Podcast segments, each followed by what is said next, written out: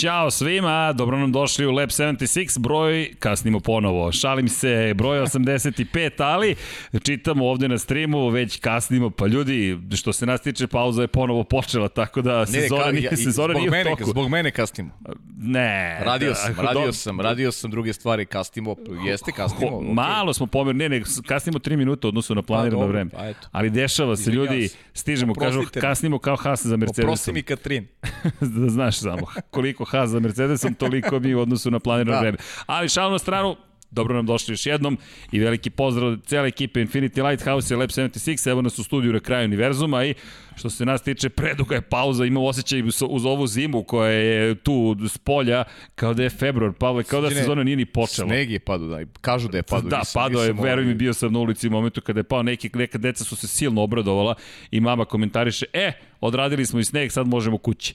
Tako da, eto, mi smo odradili sneg, možemo u studio. Pa da krenemo. Ajde. Imamo još dve nedelje, nemamo baš dve nedelje, ali još nekih pa skoro, 12 skoro dana dve, da. do prvih treninga. Imaćemo a... još jedan podcast do trke. Tako je. A onda ćemo da najavimo tu trku, veliku nagradu Emilije Romanje i to idemo u Imolu. Međutim, do tada imamo ovu nedelju kada se opet družimo i malo pričamo o vestima, malo, malo slažemo još utiske iz Bahreina, iako je bio dvostruki vikend, Moto Grand Prix nastavio svojim putem u ovoj prethodnom nedelji, pre dva dana završena trka broj 2, velika nagrada Dohe, ali narednog vikenda, ne ovog sada pred nama, već onog tamo, imamo opet dvostruki vikend i družit ćemo se, opet ćemo trčati iz kabine u kabinu. Ali mi to volimo. Vikend, srđene, nemoj zaboraviti. Trostruki, jao, vratili su se naskarovci na stazu. Jeste, jeste. Pauzirali su sada, sad ide Martinsville, pa onda sledećeg vikenda se biće trostruki. Da, vraćamo se, vraćamo se, vratili praktično na stazu yes, i sve je spremno. Yes. I, jesi ti spreman za 85. izdanje Lab Jesam, 76? ja sam spreman, ja sam spreman i za, one, i za ono ljubilarno, u stvari ono svečano koje će ono pravimo i za to sam spreman. Da, to, to, to mada... Samo moramo... malo da, malo da se spusti malo da, ovaj tenzija. To tada i, i kilaža. Pa ja sam ti rekao, Mika Salo me zovu. da, da, vidim da smo u zimskom raspoloženju u potpunosti. Ne majice, se već uskoro 2XL počet ćemo da nosimo. Da. Ali dobro ti stoji. No, da. šalu na stranu. Neće, da neće mi... da ih pere, znaš da se ne skupi. Okej. Okay. Šalim se, naravno. Šalim se. Ali, ajmo da krenemo. Zvuk je nestao. Kažu da je zvuk nestao. Vanja, nadam se da nije. Nadam se da smo da smo i dalje uživo i da je sve okej sa zvukom, ali dobro, čekajte da proverimo. Zvuk, pa čujem samog sebe, nemojte tako, molim vas, pa evo, pustio sam za, to je, to je, Vanja Tonac, sve sredio. Ok, ljudi, vreme je da se mi vratimo na Formulu 1 i dobro nam došli još jednom, malo smo se zabavili, ali nekako zaista imam osjećaj kao da sezona nije počela, razmišljam, gledam vesti, pratimo, čitamo, diskutujemo i deluje kao da su se svi pritajili u fabrike, vozači u simulacijama da odrađuju svoj deo posla, inženjeri da prolaze kroz silne podatke, kroz fotografije, kroz sve ono što se dešavalo u Bahreinu i spremaju uveliku zimulu, pa tako i mi se spremamo. Znaš šta mi je interesantno? Da. Šta misliš da ćemo dobiti nešto drugačiju Formulu 1 odnosu na ono što smo gledali prošle nedelje? Da ćemo dobiti neke nove podatke, da će, da će, stvari, da će stvari izgledati ne tako kako, kako jesu u, u prvoj trci u Bahreinu. Pa, mogu ti reći, ima tu stvari za analizu. Ima, ima stvari zato za analizu. ti pitam kako ima. ti deluje. Mislim da je interesantno da onako Odak, tu temu odakle malo... želiš da krene? Pa eto, e, upravo, upravo odatle. Dakle, e, ono što smo dobili u prvoj trci je velika borba Max i tako smo i nazvali prošli podcast. Max protiv Luis. Dva velika rivala, Red Bull protiv Mercedes. E, da li je to realno stanje stvari u smislu dva tima pre svega, mislim? Ne pričam sad o vozačima, o kvalitetima dvojice vozača, nego pričamo o dva tima. Red Bull i Mercedes. Da li će, da li će reakcija Mercedesa biti drugačija za, evo sada nešto manje od dva vikenda? Da li će biti drugačije? Pa ajmo da krenemo da. od Honda. Ajde. Ajmo da krenemo od Ajde Honda. To nam je bila jedna od glavnih priča. Svi su bukvalno gledali šta je Honda učinila i da li mogu da dođu do informacija. Motorsport, The Race, Autosport, mada je to sada sve deo jedne mreže, F, F1 i CrashNet, ne znam ko sve nije, svi su analizirali to i manje više jednoglasni zaključci da je Honda napravila jedan predivan motor, toliko dobar motor zapravo da je Honda već izjavila da joj nije sve jedno, da ima podeljena osjećanja prema činjenici da naredne godine njen motor neće nositi njen naziv, da će zapravo biti obeležen kao Red Bullov motor i da nigde neće pisati više Honda, što nas opet vraća na njihov izbor da izađu iz Formule 1, i, ali to je to, da je bilo rezultata da li bi izašli, samo što opet su kasnili sa rezultatima, međutim ono što je fenomenalno u cijeloj priči, ovaj potpuno novi motor, mnogo su toga krili, u predsezoni nismo mogli ni da slutimo koliko su napredili motor i ako se neko seća 2015. i početka te hibridne ere za Hondu i njihovog tog motora koji je trebalo da bude najmanji mogući i koncepta koji je McLarenu trebalo da omogući mnogo dobru aerodinamiku pozadi, a opet da snagu, je doveo do toga da ima aerodinamike i da je vrlo dobra, međutim da je motor bio previše slab.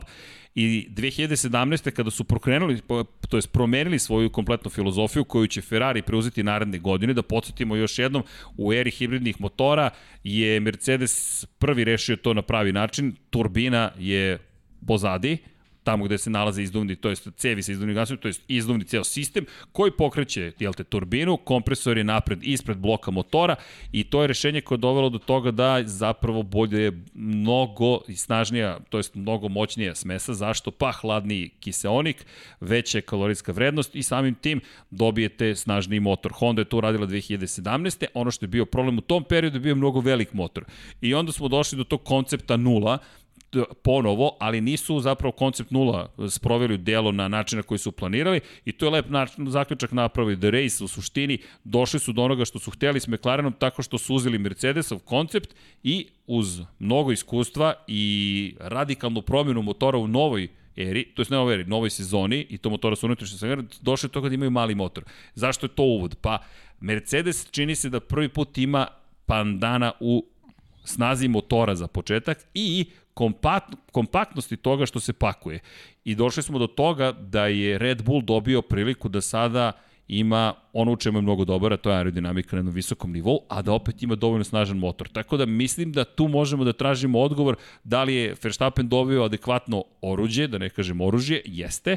Hamilton ga je već imao, ali i Hamilton je malo mač manje oštar nego prethodnih godina. Onda mislim da smo dobili iznenačenje. Šta ti misliš? Pa ja mislim da, da je Red Bull trebao da iskoristi prednost koju je imao očigledno u kvalifikacijama. Četiri desetinke, to se redko dešavalo u prošlosti da da, da su pravili takvu razliku kvalifikacijama. Meni to bilo šokantno. Četiri desetinke protiv Mercedesa, šokantno. Nekako smo očekivali, bar sam ja mislio da će ta trka ići ovaj, u korist Maxa Verstappen. Analizirali smo je prethodne nedelje i opet negde vidim da postoji dobra zaliha kada je, kada je Mercedes u pitanju, sad slušamo i neke priče vezano, e, eto Williams recimo glasio uh, da je, da je vetar dosta uticao recimo na, na, na Mercedesove agregate, da uh, jednostavno staza u Bahreinu nije pogodovalo onome što su što je bila neka ideja Mercedesovih predstavnika, predstavnika u trci i vidim prostora dosta da, da, da Mercedes bude bolji u, u, u, u budućnosti, pre svega mislim na taj kvalifikacioni krug, a može samo da im imponuje način na koji su dobili trku u situaciji kada je Red Bull sebe profilisao u subotu kao, kao favorit. I to je... Mm, nikada se ranije nije desilo. Obećava nam sezona iz razloga što Red Bull nikada nije počeo tako dobru godinu. Ali opet s druge strane, e, Mercedes je naučio, naučio nas je na, da budemo oprezni kada su u pitanju njihove mogućnosti i nekako imam utisak da njima više odgovara ova pauza od tri nedelje nego što odgovara Red Bull. Idemo u Imolu i neko mi se čini da će malo drugačiju konstelaciju snaga gledati pre svega u tom u tom kvalifikacionom krugu. Da Znaš, te... pokazali su da se snašli lepo, taktika im je bila dobra. Neko Mercedes mi je delovao kao ekipa koja zna šta hoće tokom trke. Da, da su opet bili onako stabilni u razmišljanju kada, kada je percepcija onoga što, što treba da omoguće e, Lewisu Hamiltonu kroz, kroz taktiku, kroz ono što, e, što, nam je, što nam je trka donela. Tako da, ne znam, e, ono što je naša ideja, mislim ono što želimo svi zajedno je da, da, da se trend tih e, borbi koje vode Hamilton i Verstappen nastavio, to su dva najbolje vozača. Ja ne znam, ja, ja nemam dilemu oko toga uopšte. E, ko su, ko su glavne face u Formuli 1, nikakvu dilemu nemam.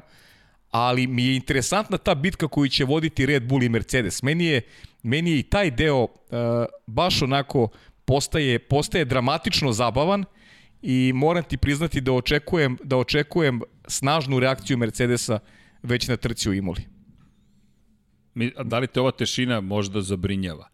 Niko se ne oglašava. Priča se o pa, istorijskim. Da. Više dolazi vesti o tome koliko je eh, Toto Wolf mora da bude agresivan prema Niku Rosbergu i Luisu Hamiltonu. Da, be, bravo, više o tome pričaju, tako je. Nego bilo čemu drugom, što meni deluje kao taktika, hajde da ne kao, to se, na, kao, kao namestilo se to da, tako, da. da ta, ta priča. Na relaciji Hamilton-Rosberg. Ali neće biti jednostavno. Mislim da je Red Bull neće. radio ozbiljno Ne, ne, slaže se ja s tobom, slaže se, ali prosto, znaš, vidiš koliko smo, mislim, ja pričam sad u svoje ime, koliko sam obazriv negde, prosto nismo navikli na, na, na, na ovakav e, sled događaja da neko Mercedesu u prvoj trci napravi takav problem. Pa sjeti se kada je pobedio Vettel u, u, u Bahreinu.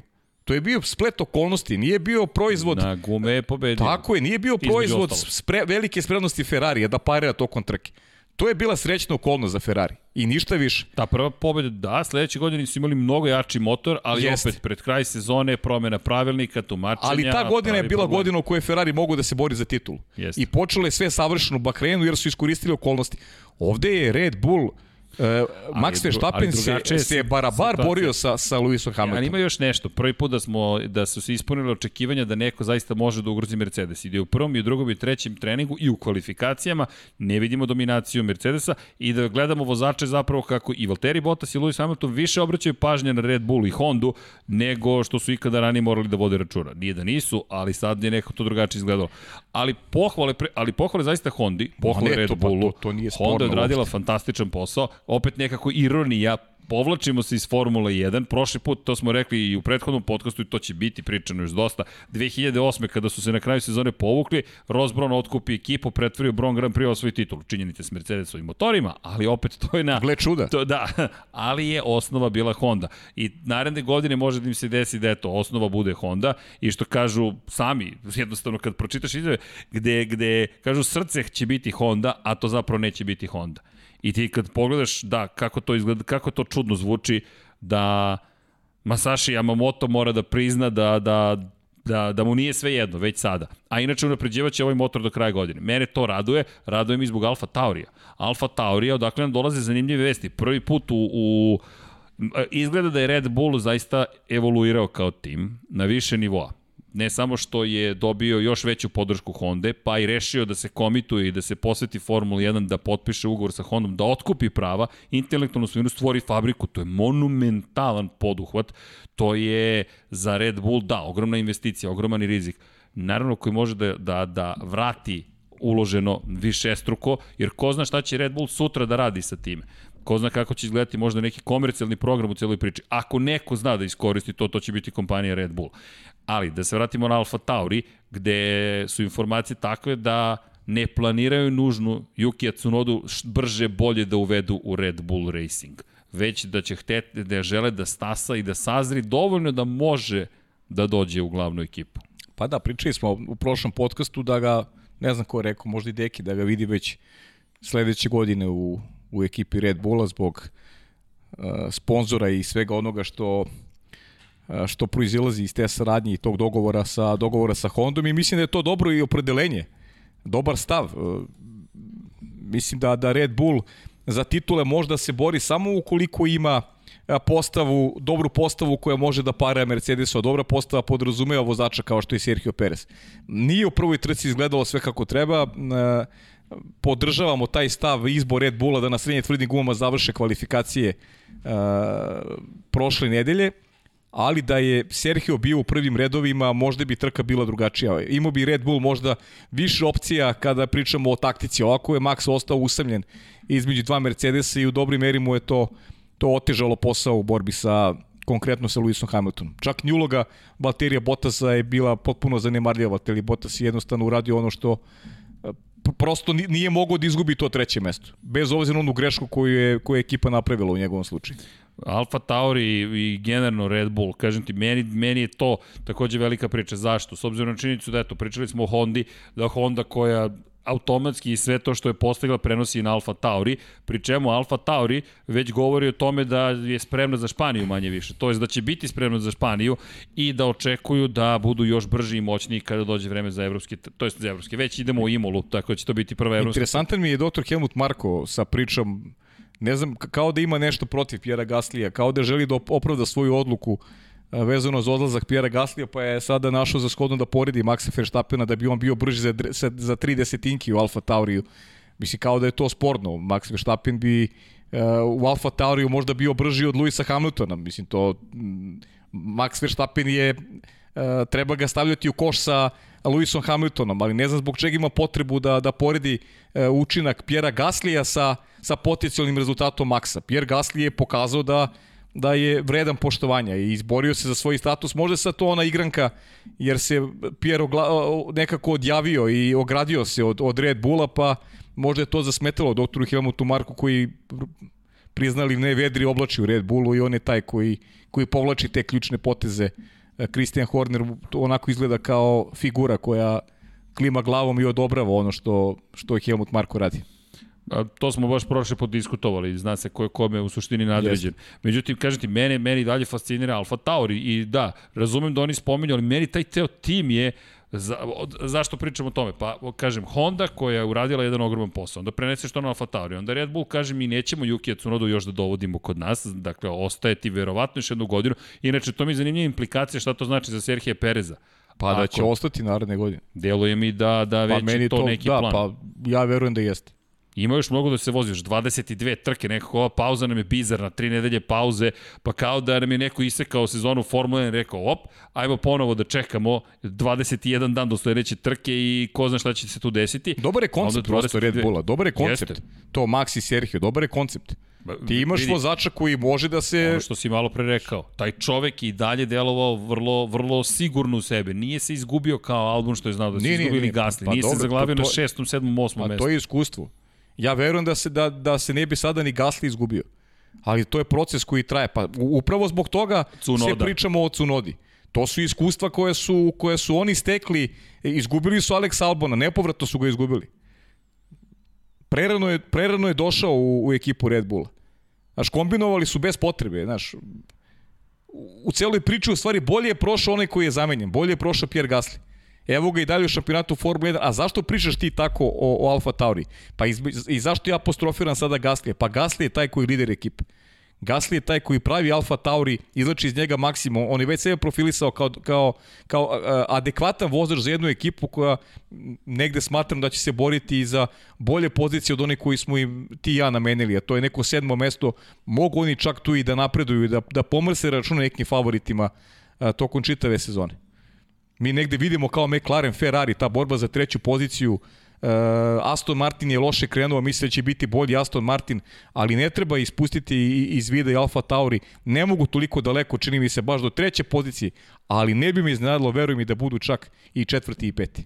Misliš da ugroze i Alpinu i, i da ugroze Aston uopšte, Martin ne bih se znadio uopšte. Ne Moram ti priznati, to, to jeste utisak posle prve trke, da zapravo tu leži još mnogo. Jer ako da je Gasly ostao u trci, Kako bi to na kraju izgledalo? Pa, potpuno, pa ne zabori, on, on, on je bio četvrti. Kad je Cunoda koji je na srednje tvrdin završio Q2. Cunoda je inače koji je rekao da je jedan od njegovih najvećih kvaliteta zapravo to što se ne plaši da pravi greške i da nema problem sa time. Napravit ću grešku idem dalje. E sad, naravno, ukoliko ponoviti grešku, to je već naznaka potencijalne situacije. Ako stalno ponavljate, to je već problem. Ali dok ne ponavlja greške, on ih baš nešto previše napravio. Pa, ruku na srce nije. Ne znam ni jednu. Po njegovom mišljenju, greška je samo što nije ušao u Q3. Paziti šta on zahteva od sebe. Ali s razlogom, mislim da nas je osvojio sve i da je zaslužio da se toliko priča o njemu. Ali da postavimo drugačije stvari. Da li bi Mick Schumacher i, i Mazepi napravili grešku da, im, da su imali Alfa Tauri u rukama u prvoj Ne znam. Ne znam, ali nije baš da smo videli da neko uđe u Alfa Tauri i da odmah bude baš tako brz kao, kao Cunoda. Ne, ne viđe se tako često uh, tako brzo prilagođavanje. Mada ali, nije baš ni da je Alfa Tauri od tako je, ali prethodnih godina kažem, bio tako dobar s početka opet godine. Opet vraćamo se na Hondu. Na Hondu, na Hondu i na Red Bull. Koja je dala mnogo toga i ti odjednom imaš dva, pa pogledaj samo Alfa Romeo koliko je bio bolji zahvaljujući činjenici da je Ferrari bolji nego što je bio prošle naravno, godine. Naravno. I odmah se situacija, slika se menja, gde nekako najveći gubitnici ispašće Aston Martin i Alpina. Pa ti, znaš gde vidiš prirodni talent vozača?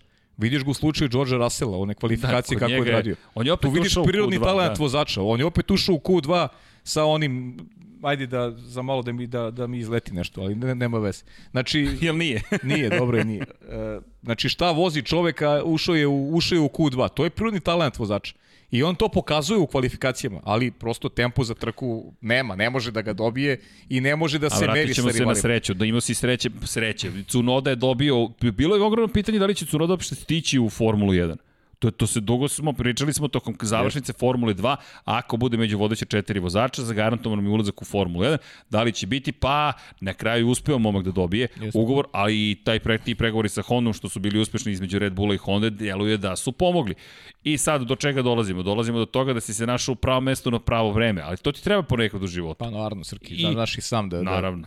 timing, timing u Timing, životu bravo, je timing je toliko čudo. bitna stvar U za svemu. svaku vrstu odnosa, za, za svaki, i za posao, za, za znaš, timing, timing kao u tvom mom slučaju, recimo, eto, timing.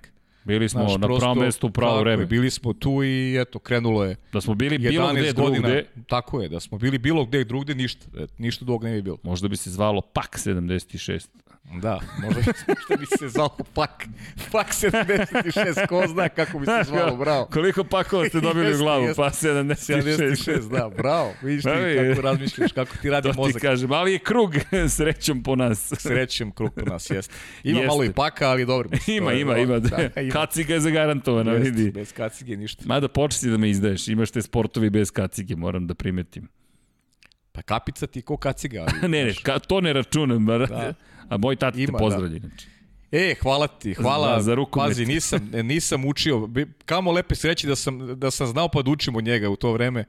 Ali ovako sam, znaš, kao, nije moja teritorija. Ako, ako se njemu dopalo, onda sam, ovaj, onda sam pogodio sa... I imaš sa, pozdrave. Hvala puno. Tako da znam. Za one koji ne znaju, tata se bavio rukometom neko vreme, pisao nešto. Jeste, a nešto, se, nešto se bavio tim novinarstvom i tako dalje. priznam da Ali- nije moja teritorija, ali eto. Nije ni moja, ali to ne Pa smem da. da priznam javno. Nadam se da ne gledaju da. podcast. ja, je, bio sam srednji bek, trenirao nekad. da, Ali dobro, to je bilo u Zemunskoj mladosti 88. 9. i 90. Eto, eto. Nisi mi to nikad rekao, vidiš. Da, da. Naučimo nešto novo u ovim podcastu, Da. jedan u drugom, da. Pa da, pa to su bili čuveni dueli protiv Starog grada. Pozdrav za Ognjena Kajganića. E, da, To je ta generacija.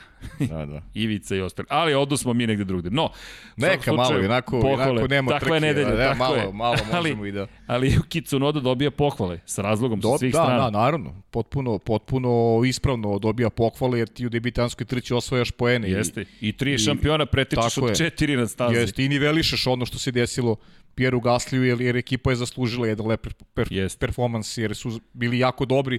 Uskratio im je to Pierre Gasly, ali dobro, bože moj, idu Da li- dalje.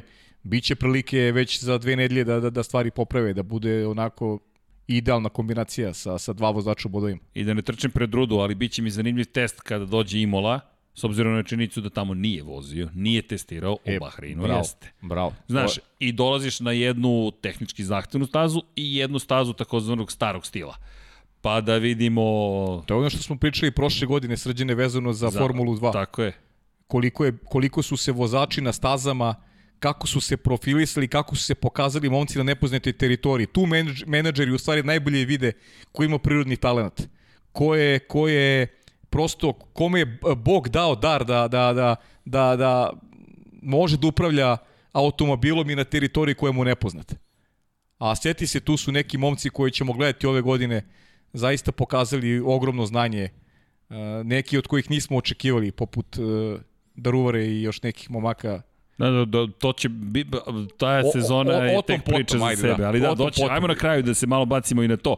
Međutim, eto, Cunoda, nekako Red Bull, Honda privlače baš ogromnu pažnju, Ferrari takođe mislim da privlači ogromnu pažnju, zašto? E, pogotovo ta priča da navodno nisu koristili punu snagu motora, Da. obećava, Ako pogledamo prošlu godinu, već smo više puta zaključili, samo za one koji su možda prvi put sa nama, pozdrav svima, e da udrite like, Ako vam Da. se dopada, udrite E, a da ne subscribe, zaboravimo, Srki, notifikacije. Kad, kad smo pričali o Hondi, Da, interesantno Helmut Marko što je rekao da su oni nisu koristili oni punu snagu agregata u trci. zapravo da je Zbog- Max Verstappen imao problem sa diferencijalom, Tako je, tako je. diferencijalom, oprostite, Da ne zaboravimo, u tako samoj je. trci, da je gubio oko 3 desetinke po krugu u odnosu na Luisa Hamiltona. To je, to je Ako, informacija. ako, ako, to je informacija. Ako Tako je, je. tačna informacija, to je mnogo. a, to je mnogo. Pa to je katastrofa onda za Mercedes, to znači da na kraju trke ti manje više imaš koliko 15 sekundi prednosti. Jeste. Čak i da je manje od toga. To se vraćamo sad na onu priču s početka, gde negde moja, ne znam, moja neka procena je da je Red Bull jednostavno tu trku morao da, da dobije. Jednostavno, tako je, tako je, ne, ne, tako je sve izgledalo. Mercedes je veliki pobednik Bahreina. Baš jest, je veliki pobednik. Jest, jest. Veliki s obzirom na činjenicu da je sve treba išlo na ruku manje više Red Bull. U sve prateće okolnosti koje smo apsolvirali u prošlom jest. podcastu, velika pobeda za Mercedes i velika pobeda za, za Luisa Hamiltona u tom, u tom duelu sa, sa Maxom. E, Mercedes koji, eto, čekamo da vidimo kakav će biti odgovor, ali bih se osvrnuo samo na, na činjenicu da McLaren je mnogo napredovo uz Mercedes. S druge strane, ali postoji velika razlika i ovde nema veze sa pogonskom jedinicom, Aston Martin koji je ozbiljnim problemima. Jeste. I deluje kao da to kopiranje Mercedesa im se sada obilo u glavu. Kao, to ti ironija pomalo sudbine, da u eri u kojoj je Mercedes sve što je učinio manje više bilo zlato i da imaš taj midin dodir, jednostavno sve bukvalno što učiniš je gotovo savršeno, da se nađu u situaciji da zapravo to kopiranje besomučno, najpre bude iz 2019. sad i 2020. ali uz nova pravila igre te dovedu do toga da budeš u nešto lošoj formi. E sad, nije samo do njih, Sebastian Vettel je takođe velika priča, vratit ću se na njega s obzirom da se povezuje s Ferrarijem, ali pre toga Ferrari. Idemo u Imolu, Enzo idemo Ferrari staza, idemo u Italiju, kažu da nisu koristili punu snagu, ne bih sada nevljivo trku, tek ćemo sledeće nedelje, verujem da će da, da, tada naravno. biti još informacija, ali to zvuči sjajno, sjajno iz perspektive cele sezone zapravo, jer ukoliko to ima još snage za Ferrari, koji je očigledno nadoknadio dosta u odnosu na prethodnu godinu, ta promena zadnjeg kraja, iako nemaju više žetona da menjaju prednji kraj, čini se da je dovoljno toga učinila, čak i uz promenu pravilnika, da budu bolji. Leclerc je bio spektakularan, biti na četvrtoj poziciji i drugo, bez problema oba vozača u, u Q3, Jenson Button pritom hvali inženjera u Carlosu Saincu, vidi u mhm. njemu inženjera koji veruje da će biti još brži i Ferrari kao da kao da deluje liči mi na tim koji, inače si vidio, izvini... Možda Jenson vidi i sebe u Carlos Sainzu. To sam htio ti kažem. Jer mene, mene podsjeća malo Carlos Sainz, taj stil vožnje i podsjeća malo na, na Jensona Batona. u da. glavi i kalkulisani pristup, ali ništa negativno time ne mislim. Ne, ne, ne, ne, ne, vrlo... ništa, ne, ja ne mislim negativno. Manje Jenson instinkt, Button, nikada ga nisam racio. doživljavao kao neko ko je top vozač iz te serije top vozača, ali neko ko je ko je onako bio vrlo talentovan i ostavio ostavio ogroman pečat u, u Formuli 1 i, i to što kažeš, koristio je Kefalo baš i znao baš je, je znao je znao je da, da dobro percipira stvari. A kad pogledaš, e, pričao je u svojoj knjizi i to je jedna od lepših priča, opet ja ću se vratiti na, na, na igrice, ne znam koliko si igrao Super Mario Kart, na primjer, ne znam da li si, da li te, pa, da li te ikad privukao. Da... Nije to iz... Ja sam ovaj uvek bio za igrice koje su bile u školskom dvorištu, te sam moj preferirao. E, ali ono što... ok, futbol naravno. Pa šta da, god. Naravno, ali činjenica je da je da je, da je tu bila interesantna priča, da je uvek koristio zapravo Bauzera, ako se ja dobro sećam, s obzirom na činjenicu da si za Bauzera mora da voziš konstantno dobro. I da je to bio njegov stil te vožnje. Konstantni krugovi, konstantni krugovi, konstantni krugovi. To je preneo na Formula 1, ni manje ni više Super Mario Kart. I sad dolazimo do Carlosa Sainca i lepo si to napravio poređenje. Moguće da vidi sebe u tome. Mm. I e, mo, čovek koji vrlo racionalno pristupa problemima sa kojima se suočava i činjenica da je prva trka bila vrlo korektna, rekao bih čak i dobra. I eto to je interesantno. Dakle, taj sad dolaze, Leclerc koji je spektakularno bio instinktivni vozač, vrlo brz vozač, uz taj napredak, uz činjenicu da će McLaren imati sada drugu trku i da McLaren razvije sam svoj bolid, nije kopirao Mercedes, već ima svoju priču i da je tu Andre Zajdel odradio sjajan posao, nekako bećeva. Kažem, Ferrari mi baš privlači mnogo pažnje, da, možda znam, ja previše si... gledam ne, ove ne, godine ne, u, okay, i vidim jest, u Ferrari. Jeste, jeste, ti si taj koji potencira a, tu priču, a nisam toliki optimista kao ti kada su u pitanju neki krajnje dometi. A, ne kažem da, ono, pričali smo, a, moguće da će se otvoriti put i do neke pobede u, u ovoj sezoni, prosto ima mnogo prilika, a verujem da će ta borba između McLarena, između Mercedesa, pardon, i Red Bulla biti iscrpljujuća i da će nam doneti još kontroverznih momenta, ne samo ovih pored staze, već i onih na stazi, u krajnjem slučaju na stazi je bila kontroverzna to obilaženje Maxa Verstappena. Mislim da će tenzija da raste iz trke u trku, vidjet ćemo ko će i tu da se snađi, jer ja, ho, ja pazi, bez obzira na onaj početak najavu koje sam imao, hoću da verujem da će do kraja Mercedes i Red Bull biti u igri, želim u to da verujem, a prosto ti, te borbe Mercedes i Red Bull otvorit će prostor Ferrariju i McLarenu.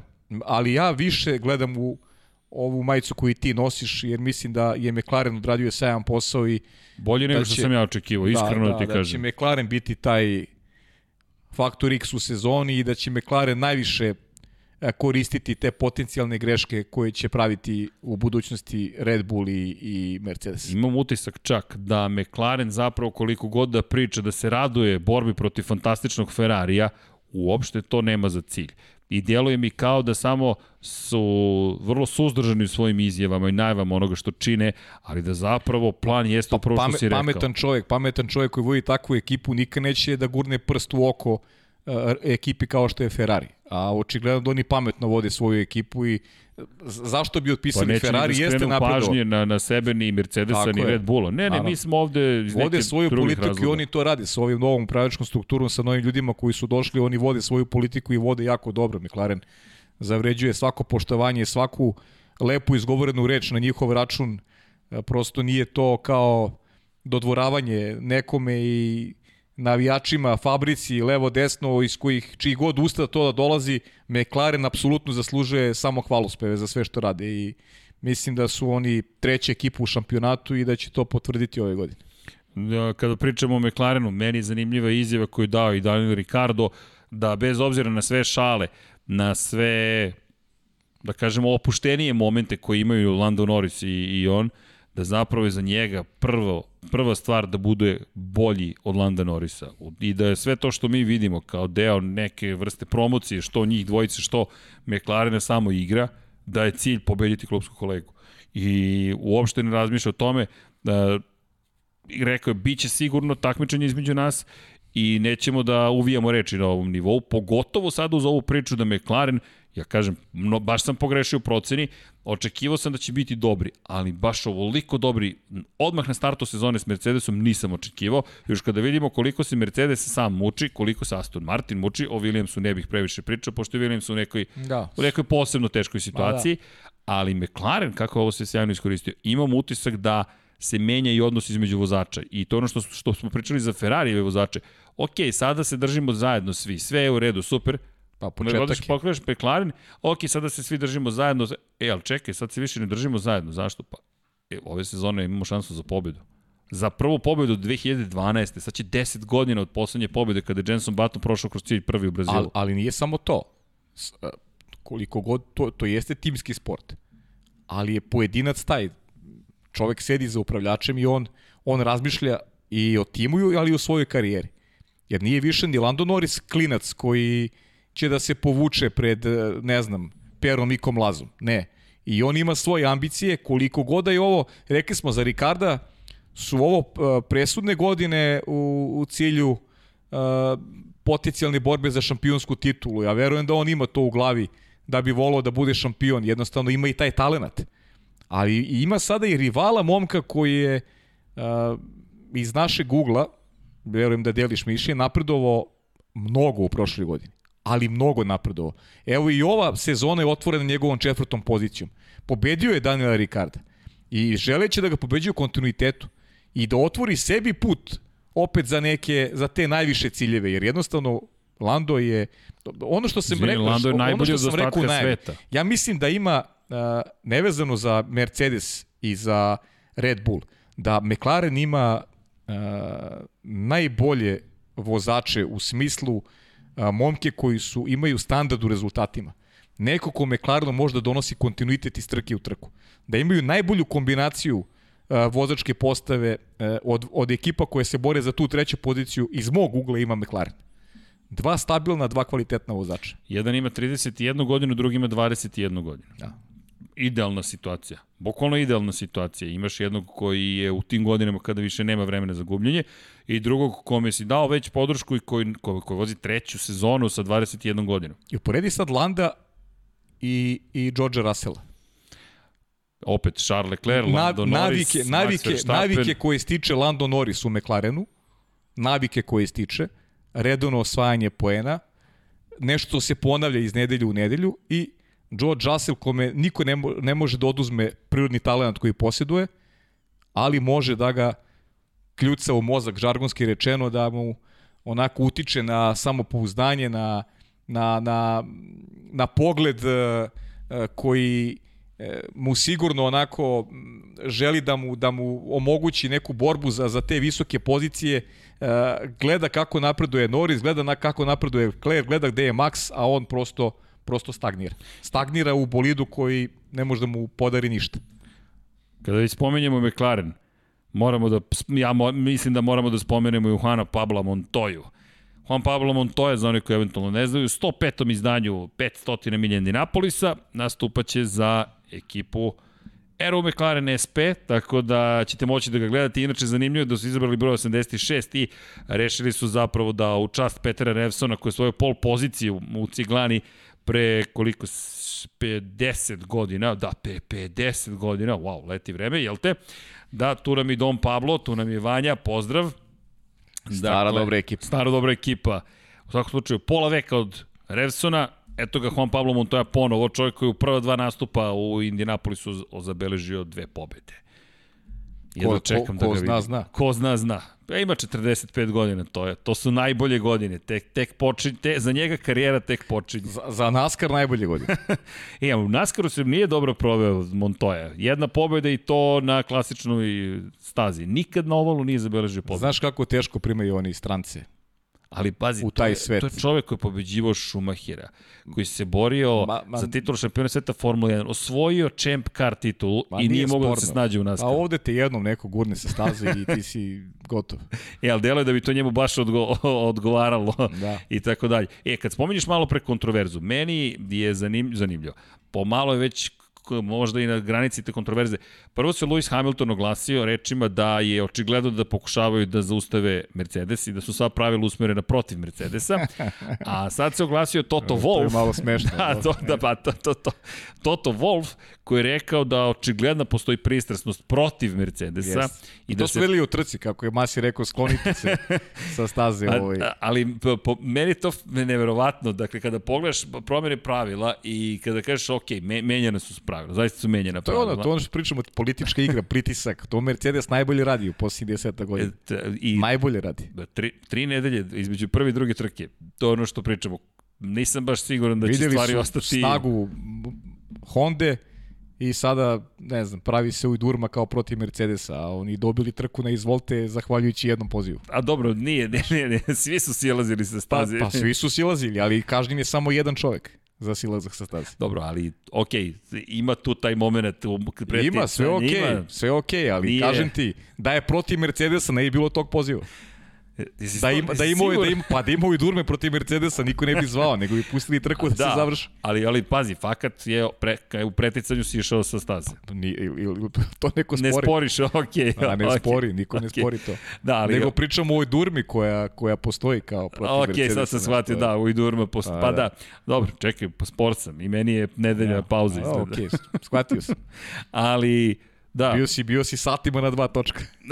Ej, jesam, ali bilo je zabavno, mogu da. ti reći. Da, da, ima dosta poziva ponovo da se pojaviš. Ja mislim da ćeš morati neko gostovanje da obaviš. Ipak. Hoću, pa rekao sam za ti nije spon. Pa dobro, kad se namesti prilika, bude malo pogledao intenzivnije. Da, ali e, Wolf se osvrnuo na nešto što je prošle godine bio pokušaj da se izjednači odnos između Mercedesa i ostalih, tu nema, nema dvojbe, a to je uvođenje toga da ne možeš da menjaš modove pre kvalifikacija, to je posle tokom izbora moda za kvalifikacije, taj mod podešavanja motora sa unutrašnjim sagranjem mora da ostane u upotrebi do kraja trke. I nismo baš videli da je to uticalo na kraju negativno na Mercedes, ali jeste bilo usmereno ka nekome koji je imao najveću prednost u korišćenju tih posebnih modova. Međutim, cela priča kako je mnogo pravila primenjeno kako bi se zaustavio Mercedes, a Mercedes i Red Bull su isto tako uticali direktno na kažnjavanje Ferrarija ili su direktno uticali na to da se promene pravila pre toga kompletne Formule 1 manje više i da izlobiraju uvođenje nečega za što je bio najspremniji Mercedes, pa onda pomalo ti deluje tako čudno, da se tako izrazim. Pa, u svakom slučaju... Blag si, blag si ti. Blag sam, pa ti znaš da sam ja onaj što onaj koji je politički korektan. Jesi, jesi, korektan. Jel, znaš ko nije bio politički korektan? Ko? Ralf Schumacher u glavu Sebastijana Fetela. Poruka mu je poslata, nemoj da kukaš, uživaj.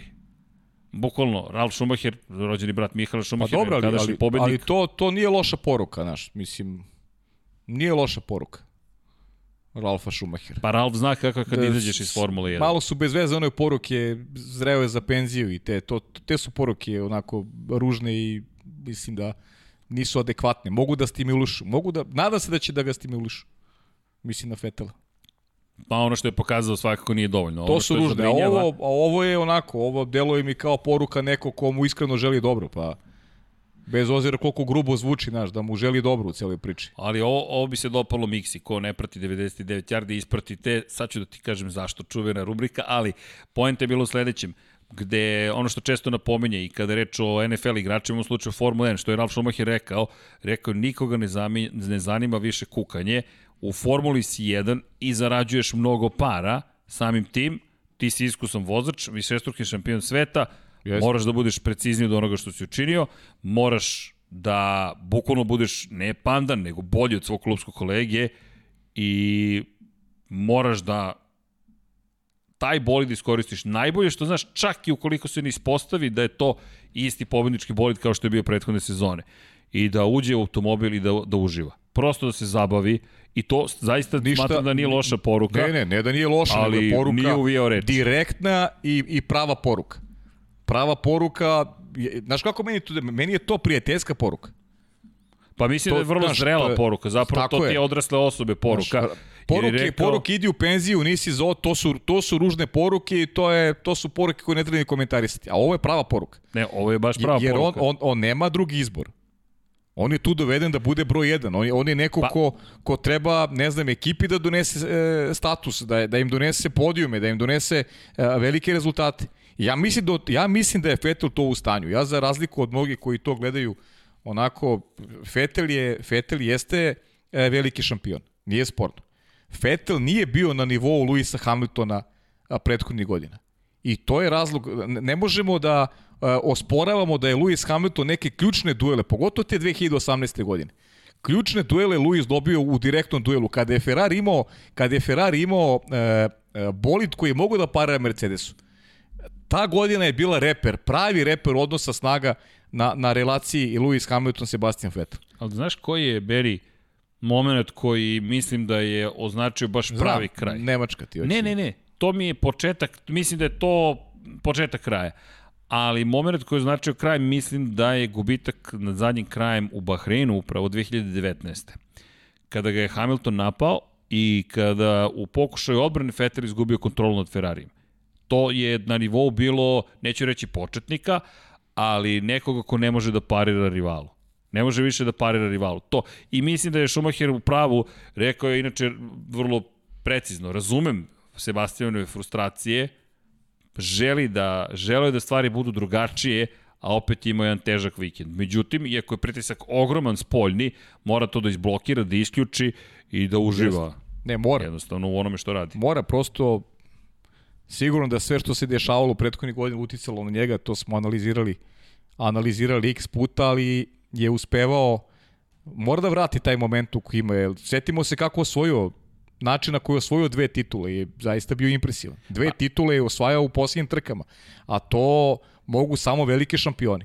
Ljudi koji imaju fokus, ljudi koji imaju a, talenat, ljudi koji mogu da se prilagode da, da kada je najvažnije budu najbolji. A, a Vettel je to uspevao u onoj, onom periodu sa Red Bullom. Kažem, te dve godine su zaista bili impresivne. 2010. 2012. kao što si rekao, najprvo u Abu Dhabiju, a potom u Brazilu Jeste. u poslednjoj trci sezone.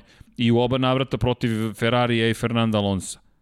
Opet ozbiljan pritisak imaš. Pa pazi, prvi godine ne samo protiv Ferrari, on ima i, I Luisa Hamiltona Webera tada. i Luisa Hamiltona. I Luisa Hamiltona imao tad za rival. Duši, Luis nije bio tako dobroj poziciji kao, kao ali, Alonso ali i Mark Weber i Webber. Alonso jesu. Oni su bili prvi i drugi u generalnom plasmanu tada.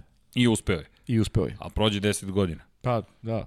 Mo, sad mora malo drugačije. A inače i Helmut Marko, I drugačiji ulog, naravno, sada. mnogo veći ulog, drugačiji, lepo Drugačiji, si rekao. drugačiji I, ulog. Ne samo to, bio si i u Ferrariju. Znaš, posle Ferrarija, ne znam da li može da se nađe vozač, osim da se zove Kimira i Koren, da, da bude toliko popularan, a da Izgleda izašao da, iz Ferrari, izgleda da Ferrari jede vozače. Jede. Ako tamo ne Jede uspeš... ih, jede vozače, jede, jede im psihu, jede, jede im, uh, imaju velike očekivanja od samih sebe, često nisu u skladu s onim što je realno i, i, i, i ono što javnost traži, jer ita, italijanska javnost, to je ljudi, samo, samo ispratite, ponekad ispratite šta radi italijani, kakav je to pritisak. Evo jedan dobar rezultat ove godine nek napravi Leclerc i Sainz, pa oni će da pišu o tituli. A to treba živjeti, to treba nositi. To je, Mihael Schumacher je u tom pogledu zaista bio fascinantan. On je uspeo da se prilagodi Ma sve- i, i sve nas tamošnjem je prevario. mentalitetu i sve, bukvalno. Bukvalno sve. Bukvalno. I vozače, i ekipe, i nas kao javnost, sve je prevario. I sada kogod ode u Ferrari, doživi Jeste. Sunovrat praktično, ali vidjet ćemo ova nova ekipa, no, podsjeća me to na Filipe Amasu i na Rubensa Barikela, njihove karijeri jesu nastavljene, nekako na kraju završiš u Williamsu, izgleda da je to neki put. Da, da, da. da, dakle, iako je kroz Bron Grand Prix stigao Barikelo do Williamsa, Masa na kraju opet u Williamsu bio, čak i godinu više ostao zato što se Rosberg penzionisao pa je imao dve penzije i na lep način su ih pratili, pri čemu jedan i drugi su imali lepe momente u Italiji. 2009. Barikelo slavi u Monci, a treće mesto Masa imao 2000, koje, 17. beše? Ja mislim da je 17. Ti, znaš da si ti kompjuter, ja, ali ja, kad, ja, ja pitam tebe kad, bi, ovaj, kad mi tako neki podatak ovaj zafali, znam da pamtiš nevjerovatno. Ja, ne, ja dobro, nemam ali- tu memoriju tako kao ti, tako da... drži palčeve da će opstati u svakom slučaju, da, ali eto, to, to, to mi je samo razmišljanje. Sad je Vettel u Aston Martinu, da li će možda doživjeti da bude na pobedničkom postoju u Italiji? E, to ćemo da pratimo, to nije. Nekako nije zgoreg ispratiti taj moment. Da. No, znaš koga ne, spon, ne spominjemo uopšte, a pričali smo, o Kimiju smo pričali i posredno i neposredno, o Kimiju- Kimi, Kimi Kimi, Kimi, tako Kimi. je, Alfa Romeo, pa smo spomenuli, e, ali Fernando Alonso i generalno Alpina, Mhm. Alpina kod jednom djeluje kao da je u mnogo većim problemima, Jeste. zahvaljujući upravo napretku, što Alfa Taurije, što činjenici da je Mercedes odradio fenomenalan posao, što činjenici da je Ferrari bolji mnogo nego što je bio, i možda jedino gde, gde mogu da traže utehu je u činjenici Aston Martin u problemima nekim. Jeste. Ali dobro, ali, ali ono što si ti pričao, a ja, ja sam onako bio opoziv ovaj, za Alonsa. Alonso odradio zaista dobru trku. Jeste. Za početak dvostruki šampion možda bude apsolutno zadovoljan. Mislim da je izvukao ono što, što, što je mogao iz, iz te Alpine, a ne zaboravim da su i prošlu godinu počeli relativno loše isto. Isto im fokus nije bio baš najbolji. Neko su rasli kao tim iz trku u trku, pa ja, ja verujem, prosto verujem u taj projekat i, i hoću da verujem i dalje, mislim da, da, da će biti oni konkurentni kako sezona bude odmicala. Vidjet ćemo kako se ponašati i na tehnički zahtevnijim stazama, kako će to izgledati. Nekako verujem da će Renault tu biti, da će tu Alpina biti bolja na tim tehnički zahtevnijim stazama. Zanimljive su izjave. Esteban Okon je rekao da ukoliko žele poene, poene, da nemaju ni malo prostora za grešku. Da jednostavno ukoliko žele do bodova moraju da budu praktično savršeni. S druge strane, Alonso je rekao da osjeća da ima mnogo toga što može da unapredi u okviru Formule 1. I sad imaš malo drugačije da kažeš poglede na stvari. Možda je Alonso taj koji će uvek reći ima još tu prostora, dolazimo, Da, o- kao što- pred start trke. Ono što je dobro kod, kod Alonso vidi se da uživa. Da, da nije sebi stavio na teret, sad ja moram da, ne znam, da podijum, čuda, nego uživa u trkama i, i, i negde i on, čini mi se da veruje da će, da će sezona kako, kako odmiče biti, biti sve bolje. I mislim da takav pristup i treba da imaju generalno, generalno opini. Po, po nekom uh, scenariju iz, iz prošle sezone, pa sjeti se kako su napredovali, kako je, kako je forma rasla iz trke u trku, pa imali smo ih u finišu čak u konkurenciji za treće mesto. Što nije delovalo kao realna opcija na, na, na startu takmičarske godine. Nije. Nije, nije, nije delovalo. Delovalo je kao da se to neće desiti, mada Rasli su, rasli su, baš su volju, rasli. ti si stalno ponavljao da će se to dogoditi. Jesam, da, ja sam Prosto i... ti si baš verovao u taj Jes, projekat. jesam i dalje verujem, i dalje verujem u taj projekat, ko sve stoji iza njega, ljude koji su doveli, pričali smo o tom x puta da se ne, ponavlja, ne ponavljamo i um, nemam dilemu da će da će biti konkurentni. Mi sad pričamo sa velikim entuzijazmom o Ferrari zbog toga što su dva vozača završila u među 10. Ajde vidjet ćemo kako će se imali ponašati. Ja mislim da ćemo dobiti malo drugačiji poredak uh, u narodnoj trci. Zbog toga jedva čekam uh, sledeći trkački vikend. Čini mi se da će da stvari neće biti ovakve kakve su kakve smo ostavili u Bahreinu. U, takve stvari u Bahreinu kako smo doživjeli, ali cela trka je bila toliko e, fenomenalna. Sad ti pričam o ovim timovima srednje znam, kategorije. Znam, ali generalno kad pogledaš sve šta Dobro, se dešavalo, sjajno, potpuno ludnica. Sjajno. Inače kada pričaš o njima, vratit ćemo se i na ovo, ovo mi je zanimljiva priča. Renault mi je mnogo zanimljiv, ali on se je zanimljiv iz te perspektive što je rekao, on sam može iz sebe da izvuče više. Iz bolida iz starta, iz faze kočenja, iz svega što čini u bolidu da može mnogo više. Znaš, zato mi je zanimljiva ta Okorova izjava gde kaže moramo biti savršeni da nešto postignemo, Alonso koji je ušao u Q3 bio među osvajačima poena bez većih problema, koji je pohvalio i rad ekipe koja je relativno brzo promenila gume, ali rekao ma pozicija prosto bila, nije bila takva da smo mogli nešto više da učinimo. I sad, ako može veliki skok da napravi, ako Alonso zaista to ima u sebi, to je ono što su i platili, zato su ga i doveli nazad, da provede dve godine ali je i rekao takođe da neće da se komituje posle 2022. da će ostati u Formuli 1. Ne zaboravi kad je Bahrein u pitanju. Mi nismo imali puno nekih ekscesnih situacija, otkazivanja agregata, jednostavno trka je bila, imala jedan kontinuitet, dobar kontinuitet, sa, sa malo turbulentnih momenta. A toga će biti u naredne 22 trke. I bit će prilika i za Alonsa, bit će prilika i za Fetela, siguran sam da, da dođu do, do velikih rezultata.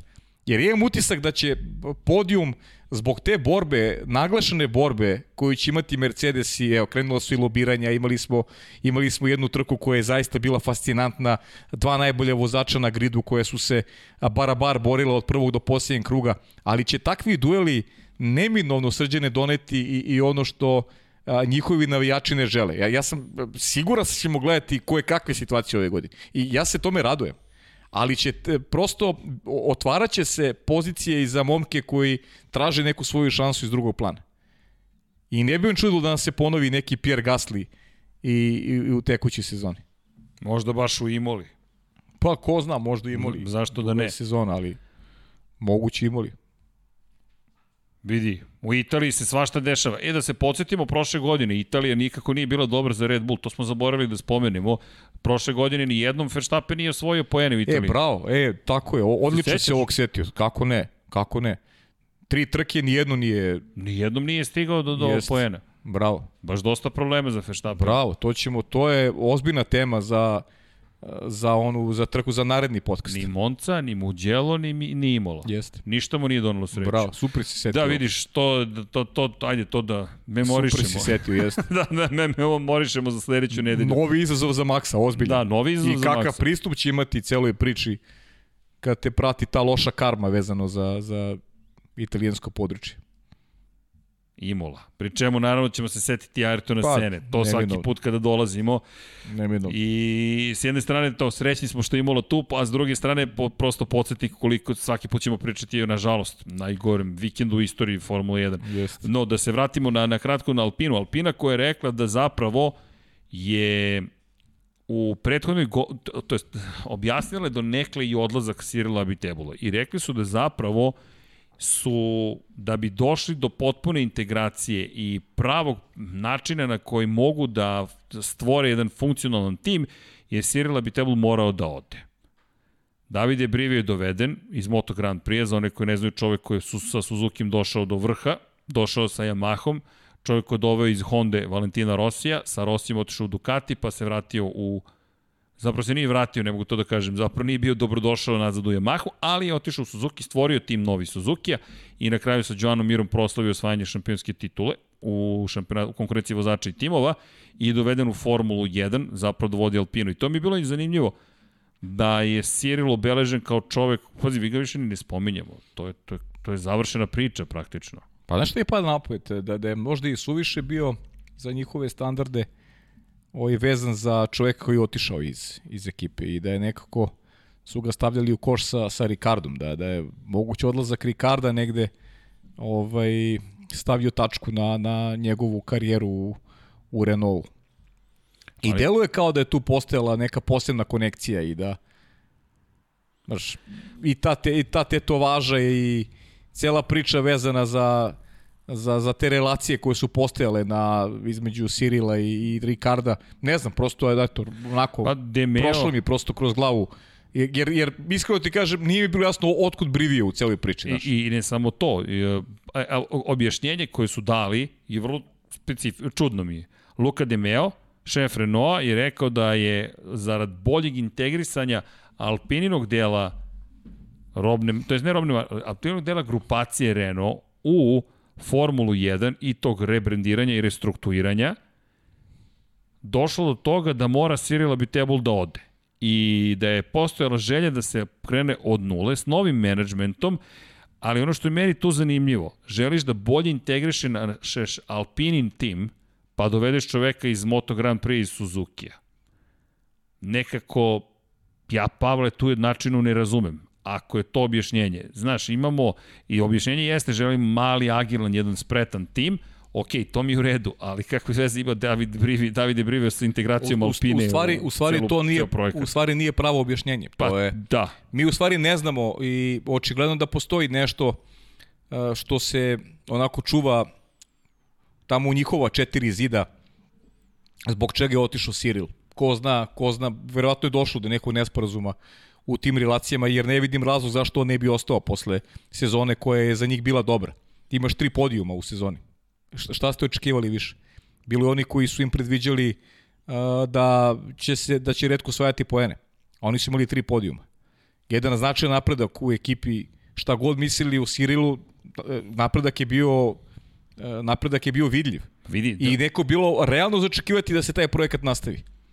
I sad da su oni doveli neko ko ima ogromno iskustvo u Formuli 1, da je došao Ross Brown, ne znam, sad karikiram, ali doveo si, ali, doveo pazi. si Brivija koji kontakte sa Formula 1 nema. Nije imao nikada. Zbog, zbog nekog integrisanja kao boljeg tima. Ne, ne, ne, boljeg integrisanja Alpine. Mislim, naš objašnjenje je onako šturo pomalo i naivno. Marcin Butkovski, koji je čovjek koji je došao pre par godina iz Međunarodne klubske federacije. To je bio da, veliki skandal, kontroverza, kontroverza bila, da. kad je došao.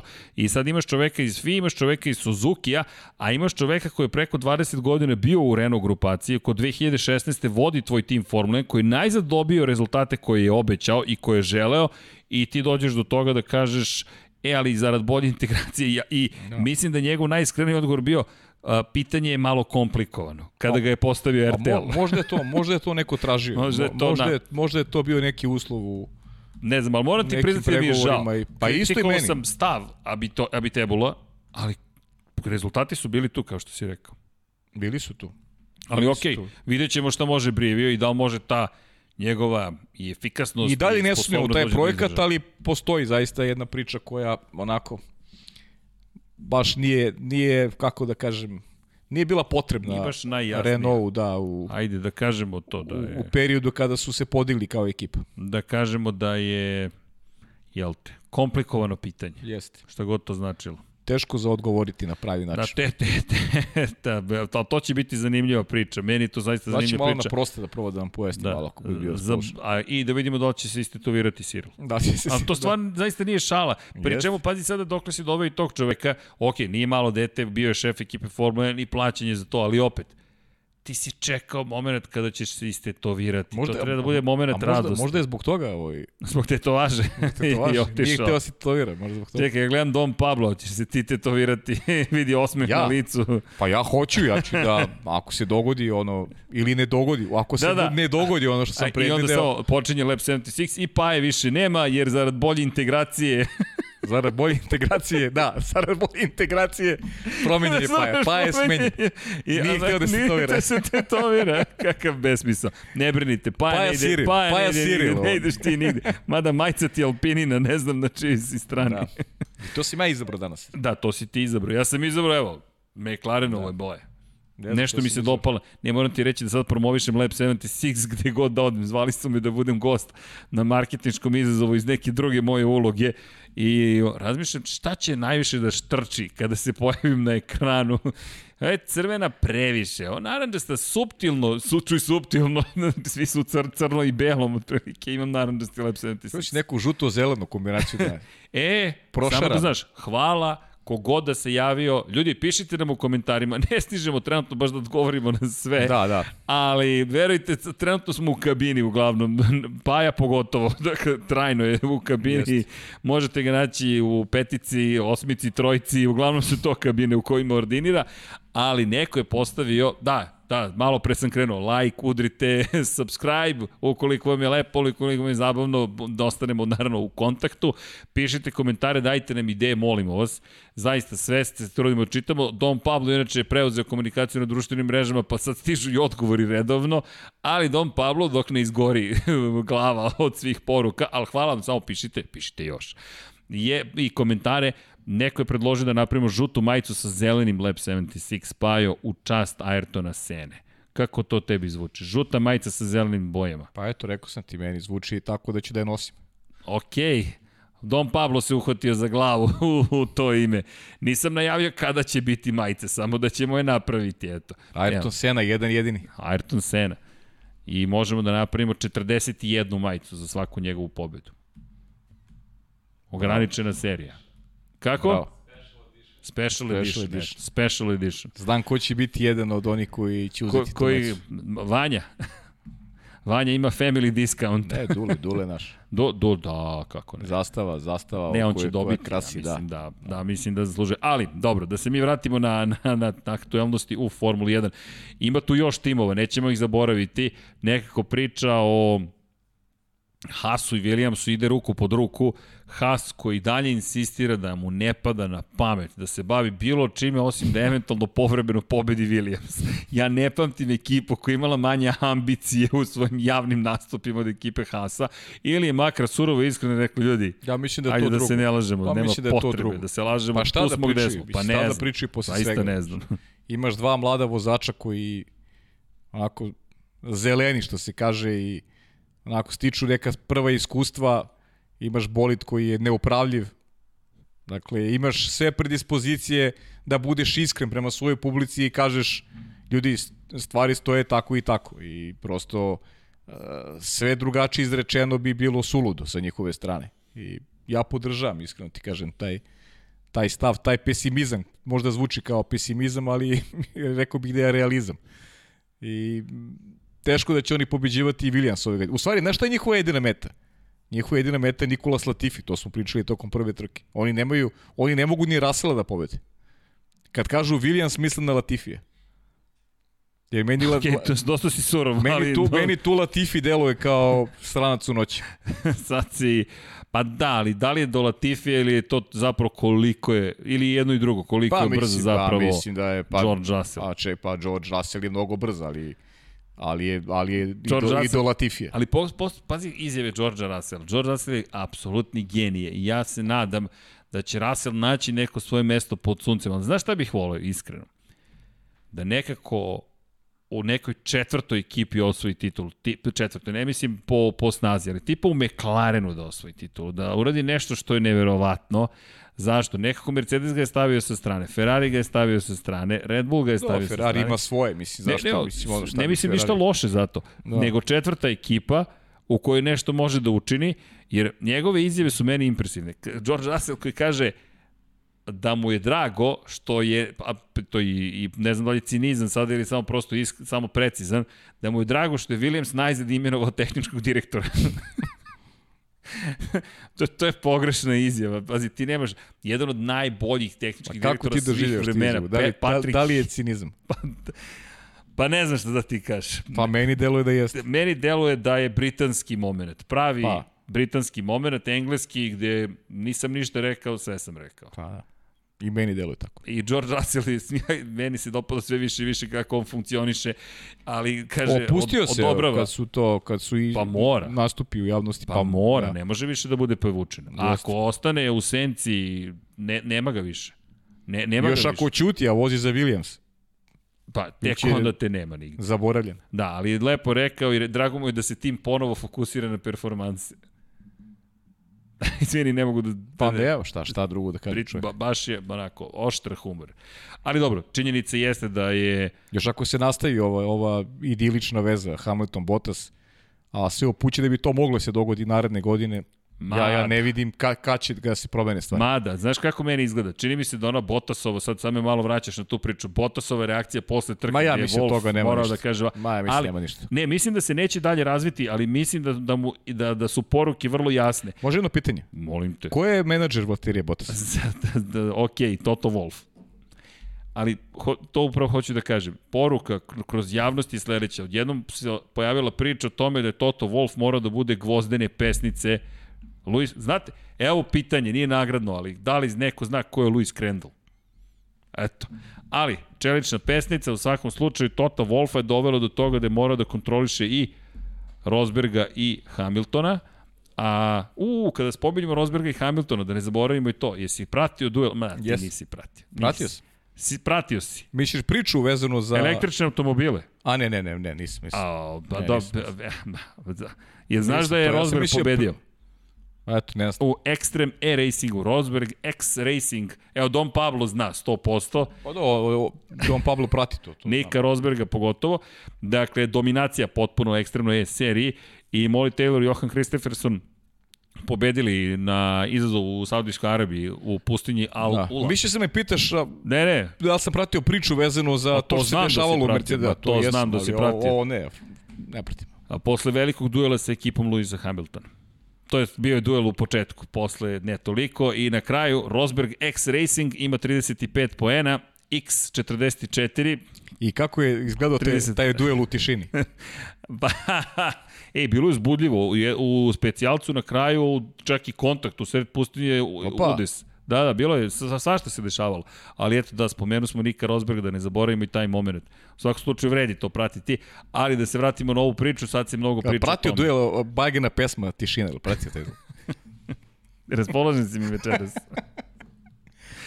Dobro, da. ajmo dalje. E, u svakom slučaju, da, priča o Toto Wolfu i o tome koliko je zapravo mora da bude agresivan i, to, to, i prvo da koliko ga iznenadilo da su na taj način morali da, da, da se bave rivalstvom između Rosberga i Hamiltona.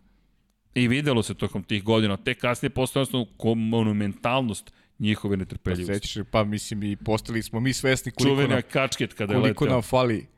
Kad se samo setim koliko sam bio kritičan prema Rosbergu, Sad dođi mi da, pojed, ne, ne. da pojedim sve ono što si mi izgovorio. To nam je najveća možda greška. Ne, ne, ne, tvoja, moja. A dobro, ali... Moja, moja, mislim, ja priznajem, moja najveća greška, ja sam bio taj koji nije štedeo Nika Rosberga nikada. A kada je sve prošlo, kad je otišao, shvatio sam e, koliko je Niko Rosberg bio neophodan Formuli 1 i koliko je bilo super da je ostao i da je imao snage da nastavi ono što je što je započeo iz, iz te perspektive borbe koji je, koji je vodio. To je, je u stvari bila sjajna godina, generalno. Koliko je, godina. koliko je jak na kraju ispao. Pobediti Luisa Hamiltona, pa prilično velika stvar. Kako ne? Prilično velika stvar i uspeo u tome. I imao i malo sreće. Pa dobro. Ali potrebno vam je. Pa potrebno da, da imaš sreću, mora da imaš stav. Znaš, moraš, da, moraš da ideš ka toj sreći.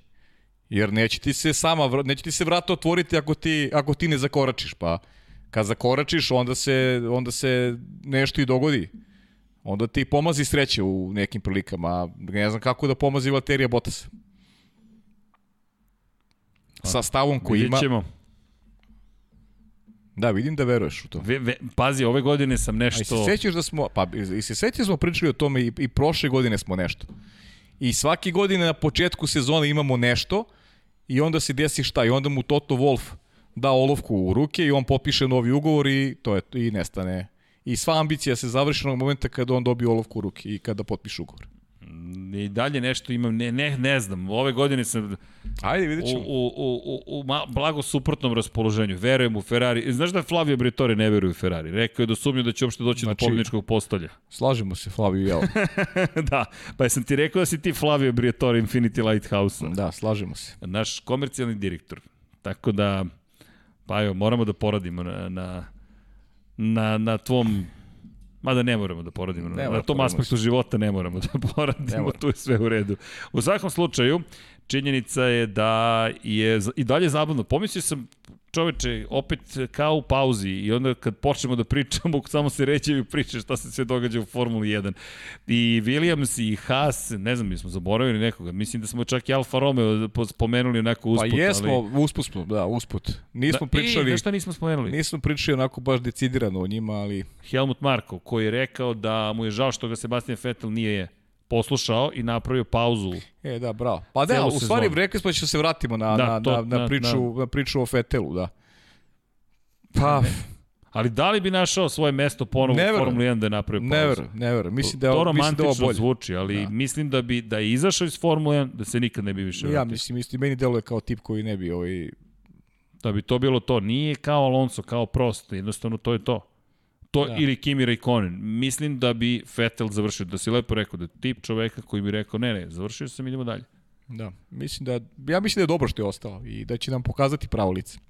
Ja verujem prosto u, u Sebastina Fetela i, i pamtim, ni, e, nisam sklon zaboravljanju. Ljudi su skloni zaboravljanju. Da, ti, Mislim, mislim da mi je to dobra karakteristika, eto sad malo pričamo o sebi, ali, ali stvarno treba pamtiti ljude u- različitim situacijama iz različitih perioda. Ne možeš kažeš da je Sebastian Vettel zaboravio da vozi. pa to ti ja bih rekao zreli pristup. Da, prosto čo, čoveku se, su se dogodile neke stvari koje su ga izbacili iz balansa. Da nema motiv, da, da ne želi, pa povučeš se i ideš dalje. Nađeš neku, kao što se Niko Rosberg povukao u momentu kada je svoju šampionsku titulu i to je za poštovanje. Sebastian Vettel smatra da ima još šta ponudi u ovom sportu, zbog toga je ostao. Ja verujem da, da, da, će to da, da će to da pokaže na stazi. Samo je pitanje momenta kada će da klikne, jer ne zaboravimo, došao je, isto je došao u novu ekipu, ekipa koja ne funkcioniša najbolje. I proizvod cele priče je da je zakazao, on jeste zakazao. Napravio grešku na trc, u trci, napravio grešku u kvalifikacijama, sve to stoji. Ali ljudi, e, kao što pamtimo loše momente, loše sekvence koje ima u Ferrariju, ajmo da, ajmo da se prisetimo onih fenomenalnih sekvenci koje ima, konkretno te dve titule koje je osvojio, koje su bile fantastične. To su, to su... Pa i poslednja sezona, izvini, onaj, onaj niz pobjeda kada, se, kada je rekordom praktično osvojio tu za njega za sada poslednju titulu. Jeste. Ali dobro, ja više... nizao pobjede. Znaš kako, ok, t- to je, možemo da pripišemo a, dominaciji Red Bulla koji imao, kao što mnoge titule možemo pripišemo dominaciji Mercedesa. Ali ove dve Sebastina Fetela su bile ostvarene u direktnim duelima sa velikim rivalima. I to je profilisalo negde ka, njega kao vozača. I sad, najlakše je sada da, da obrišemo patu sa, sa čovekom koji je ostavio takav trag u Formuli 1, da kažemo da, da je zreo za penziju. Nije. Čim je želeo tu da ostane, znači da, da veruje u sebe i možemo samo da verujemo i mi da će, da će on biti pravi. Ali će biti teško. Biće teško, teško i rekao pa, biće da, teško svako ko će da biti nisu teško. 50% bolida praktično iskoristili i da ih čekaš puno posla, da se on ne osjeća dobro u prostu bolidu. Što je zabrinjavajuća rečenica Jeste. i mnogo je daleko od onoga što, što mora da pruži. Ali dobro, Imola, u, je da čekam da počnemo da najavljujemo Imolu. Nismo ni stigli do tamo.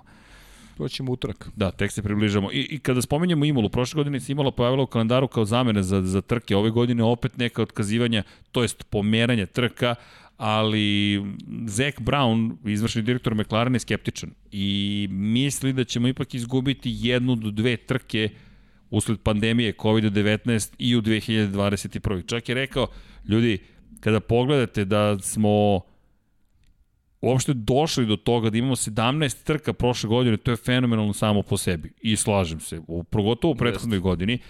I, i koji je ove godine potencijalno rekordni broj trka na kalendaru, 23. Ne zaboravimo da Australija, i da, Australija, to vratit ćemo se na, na, vratit ćemo se na Albert Park, da je zapravo ovo potencijalno rekordna sezona, to nekako daje ipak mogućnost da i ukoliko bude otkazivanje, mi imamo skoro imamo 21 trku, tako da čak i ukoliko ostanemo bez jedne ili dve trke, nekako će biti manje strašno i manje efekt nego prošle sezone. Pa mogu da reše tako da u Rusiju ovaj, stave tri, četiri trke i neće biti problema. Ima, evropska sezona je bezbedna. Trke u Evropi su Malo bezbedne. se šalim, ali ne znam da li pratiš uh, ja, kao, kao, kao da i paralelni univerzum. Znaš, u, u Rusiji se sve održava sa, sa publikom. I popuno drugačiju dimenziju ima sport u Rusiji u odnosu na, na ostatak cele planete. Jer ti uživaš onome, ja moram ti priznati, jedva čekam Soči. Danas sam nešto spor. Nisam, nisam Da. uhvatio referencu. Da, ali da, sve, sve se održava sa publikom. Evo, hokej radim, znači, pune tribine. Ljudi načiška jedni pored drugi, neko nosi masku, neko ne nosi. Znaš, ne, ne, ne, razumem u čemu je što se. Ne razumem. Puno sve, pune tribine. Kao 50% kapaciteta, ali ti kad pogledaš to je, znaš, to, to, to, su, to su ljudi, sede jedni uz drugi. Navijaju, ambijent, potpuno drugačija dimenzija uh, užitka onoga što gledaš. Zaboravljena praktično. Pro, potpuno zaboravljena. Potpuno. Kao paralelni univerzum. U kom pravcu ide sve To je baš zahtevna teško je, tema. Mnogo zahtevna Teška tema. tema. Ne, ne da je teška, nego je... Koji je tu... A ne možemo mi da ispričamo, ti i ja. Možemo samo da kostujemo šta vidimo. A... Gdje ako je otvorimo, onda idemo do 37. sata za Ide- garantovan. tako je, To ide- je onda tako je. zagarantovan. To je... Jest. A da je ne otvaramo, prosto Nemoj, nismo, nismo joj vični, možemo onako da gledamo iz tog nekog... Čak i da jesmo. Laičkog Pavle, ugla, toliko se samo priča o tome. Um, ono što ja mogu da kažem, samo ono što ja kažem, vodite računa jedni u drugima. Pazite To je se suština. I volite svoje bližnje pre svega, povedite računa i o komšijama, povedite računa jedni u drugima, ne, da pokušamo da budemo bolji prosto, da, da, da, da težimo nečem tom, lepšem, boljem, a ovo ostalo zaista ako otvorimo temu uvijek ćemo se vrtiti oko nete iste, ali činjenica je da imamo... Činjenice se drugačije stvari percipiraju. Znaš, Tako u- je. Ali isto ono što bih ja da napomenem jeste da, da ne znamo zapravo šta će biti do kraja godine. Držimo Ma, nemam palče, pre svega će ljudi biti zdravi, to je prva stavka, pa onda da vidimo sve ostalo. Ali zaista ne znamo, pogotovo smo skeptični po pitanju azijskih trka Jeste. i kako će to da se organizuje, pa i Australija. Ako pogledamo Pa Australija... i cijela priča i karantini, pa seti se evo sad kako je izgledala cijela priča vezano za ne, ne znam šta je bilo neki sportski događaj koji je se dešavao u Australiji, pa ne znam, karantini, pa levo, desno, mislim, Da. to je E, Prilično je teško, teško, organizovati. teško, da. Pogotovo kada pričamo o Australiji, ali kada pričamo već o Australiji, hoću da nas zadržim sekund u. Ajde. Australiji. Zašto? Po proračunima, za one koji eventualno ne znaju, period koji trenutno traje je iskorišćen da se staza promeni u Albert Parku. Tako da zaboravite sve što smo gledali do sada, navodno, navodno, ćemo imati trke koje će biti, to jest krug koji će 5 sekundi po krugu će zapravo brzina biti, to jest vreme biti kraće. Pa, Pavle, to je beskonačno vreme u. Formuli 1. Odjednom pričamo o 5 sekundi na uličnoj stazi u parku i onda kada, su, kada je Formula 1 izbacila zapravo šta on napređuje, krivina broj 1, proširena će biti za 2,5 metra. Moći će drugačije da se ulazi u krivinu broj 1 u cilju povećanja broja preticanja, to je i DRS zona. Zatim, krivina broj 3, gde smo inače imali veliki broj preticanja, će biti proširena i teme krivine će biti približeno zapravo startnu, to je kraju tog pravca. Dakle, moći će drugačije da se ulazi u, u krivinu. Krivina broj 7 će biti proširena. Inače, 4 metra dodatne širine će dobiti krivina broj 3. Dakle, to postoje potpuno druga krivina. Zatim, krivina broj 7 dobija 7,5 metara. Kada, kad crtež zapravo čak ni ne prikazuje tačno šta, šta smo dobili tu i onda najvažnija stvar, uklanja se šikana u krivinama 9 i 10. I mi tu dobijamo e, super brzu S krivinu praktično, koja nastav, koju dovodi do opet e, sada mnogo brže krivine broj 11, to jest mnogo bržeg prilaska krivine broj 11, 12 nije izmenjena, 13. krivina malo je produžena i proširena za 3,5 metra, 14. krivina ostaje nepromenjena i poslednja krivina dobija dodatnih 3,5 metra. To je dodatna 3,5 metra. I prema simulacijama 5 sekundi ćemo se kretati brže. Ok, da ne zaboravimo, 21. novembra je zakazana trka, Iskreno, mi se nadamo da će biti spektakularno, da će se udržati za početak. 15 km na čas prosečno po krugu dodatne brzine će dobiti. Tako da smo mi za sada zadovoljni onim što se radi trenutno u Melbourneu, radovi su u toku, lepo je vreme, bar je bilo do tokom fotografisanja kadrova koje smo dobili iz Melbournea, bacite pogled na zvaničnom sajtu Formule 1, zaista dobro dobro izgleda i moram priznati da, da jedva čekam da to vidimo. Kažem, da... Nadam se će ove godine to da Tako vidimo. je, da ćemo to da vidimo. Inače, od, od, od tih čudnih priča koje smo malo pre spominjali, da li si ispratio priznanje Kevina Magnusena da je dobio poziv da... Meni je to neverovatno. Kevin Magnussen koji je imao priliku da promeni okruženje, da ode jednu ozbiljnu ekipu i koji je rekao ne, u Hasu ja mogu da postignem više. I ti kažeš, čekaj, Kevin Magnussen priznaje da je smatrao da će u Hasu da mi postići veći uspeh. Pa se sećaš šta je bio povod? Šta je radio Kevin Magnussen? Šta je bila i njegova vodilja pre svega ka potpisivanju ugovora za Haas? Dvogodišnji ugovor. Da, e, on je tada odbio. Haas mu je nudio Tad je odbio ugovor. Renault, tako je. Da, odbio Renault, ali Renault mu je nudio ugovor na godinu dana. E, Nije to nepoznata priča. Ako sam ja, ako se ja dobro sećam. Ne, ne, ne, ne, ne, ovo je sada pričamo o Red Bullu, da, izvini, nisam bio jasan. A, o, O, o, o Red Bullu, aha. Da, da, da, E, da. to, e, to, to, to ne znam. Da, ne, ne, rekao je Kevin, Kevin Magnussen je, je rekao Nisam da... to. Da, da, da, da, da. To je fascinantno e, da su hteli da ga prebacu u Toro Rosso. Mhm. Zapravo Red Bull mu je prišao i rekao želimo da te imamo u Toro Rosso ekipi. I da je Magnussen rekao ne, želim, mislim da ću veći efekat ostvariti ako ostanem u Hasu. Ja bih pogrešio isto na njegovom mestu. Ja Više bi verovao u ja, Haas. ja bih to radio isto. Pa zato što, zato što sećaš se kako je potentno izgledala ta ekipa. Prve sezone jeste. A pazi, prva sezona. Pa, Da, to je ono što si rekao, Gene pamtiš. Pamtiš. Pamtiš, ali pamtiš, Gene Haas- Tako je, ti pamtiš. A, a ti i ja smo uh, onako verzirani dobro u prilike u Naskaru. I znamo šta znači Haas za, američku, za američko tržište. I znamo ko je Gene Haas. I verovali smo negde uh, onako slušajući svoju logiku da će Haas napraviti nešto ozbiljno u Formuli 1. Kad kažem ozbiljno, mislim, ne je nužno boriti se za titulu, ali, ali iz godine u godinu napredovati. I ja rekao bih da je logika Kevina Magnusena bila dobra. Pritom, dobio je dvogodišnji ugovor. Dobio je, Da, pre dobio toga, je, Čak i pre toga dobio dvogodišnji ugovor, Renault mu je nudio jednogodišnji ugovor, Jest. Haas dvogodišnji. Haas dvogodišnji. On se, on Jeste, se jeste. rukovodio time da ostane, da, da ima priliku da napreduje zajedno sa Haasom. I ajde da budemo iskreni. Kevin Magnussen, on je odradio bolji posao od Romana Grožana. Izvučemo tabelu, jednostavno pogledamo poene. Kevin Magnussen je u dve godine bio bolji od, od Romana Grožana. U Pa. obe godine je bio bolji od Romana Grožana. Stabilniji. U sve one greške koje je znao da pravi, da iritira, ali ima Obrni taj neki... Kevin ima Magnussen je bio bolji.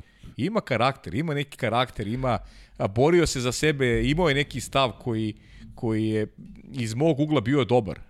Da zapravo trebalo bi da napravimo celu priču o ekipi Haas. Trebalo bi. I o tome i usponu i u sunovratu. Jeste. Te 2018. kada je pregovarao s Red Bullom, kada ga je Red Bull zvao, Haas je bio petoplasirani tim u šampionatu sveta. Jeste.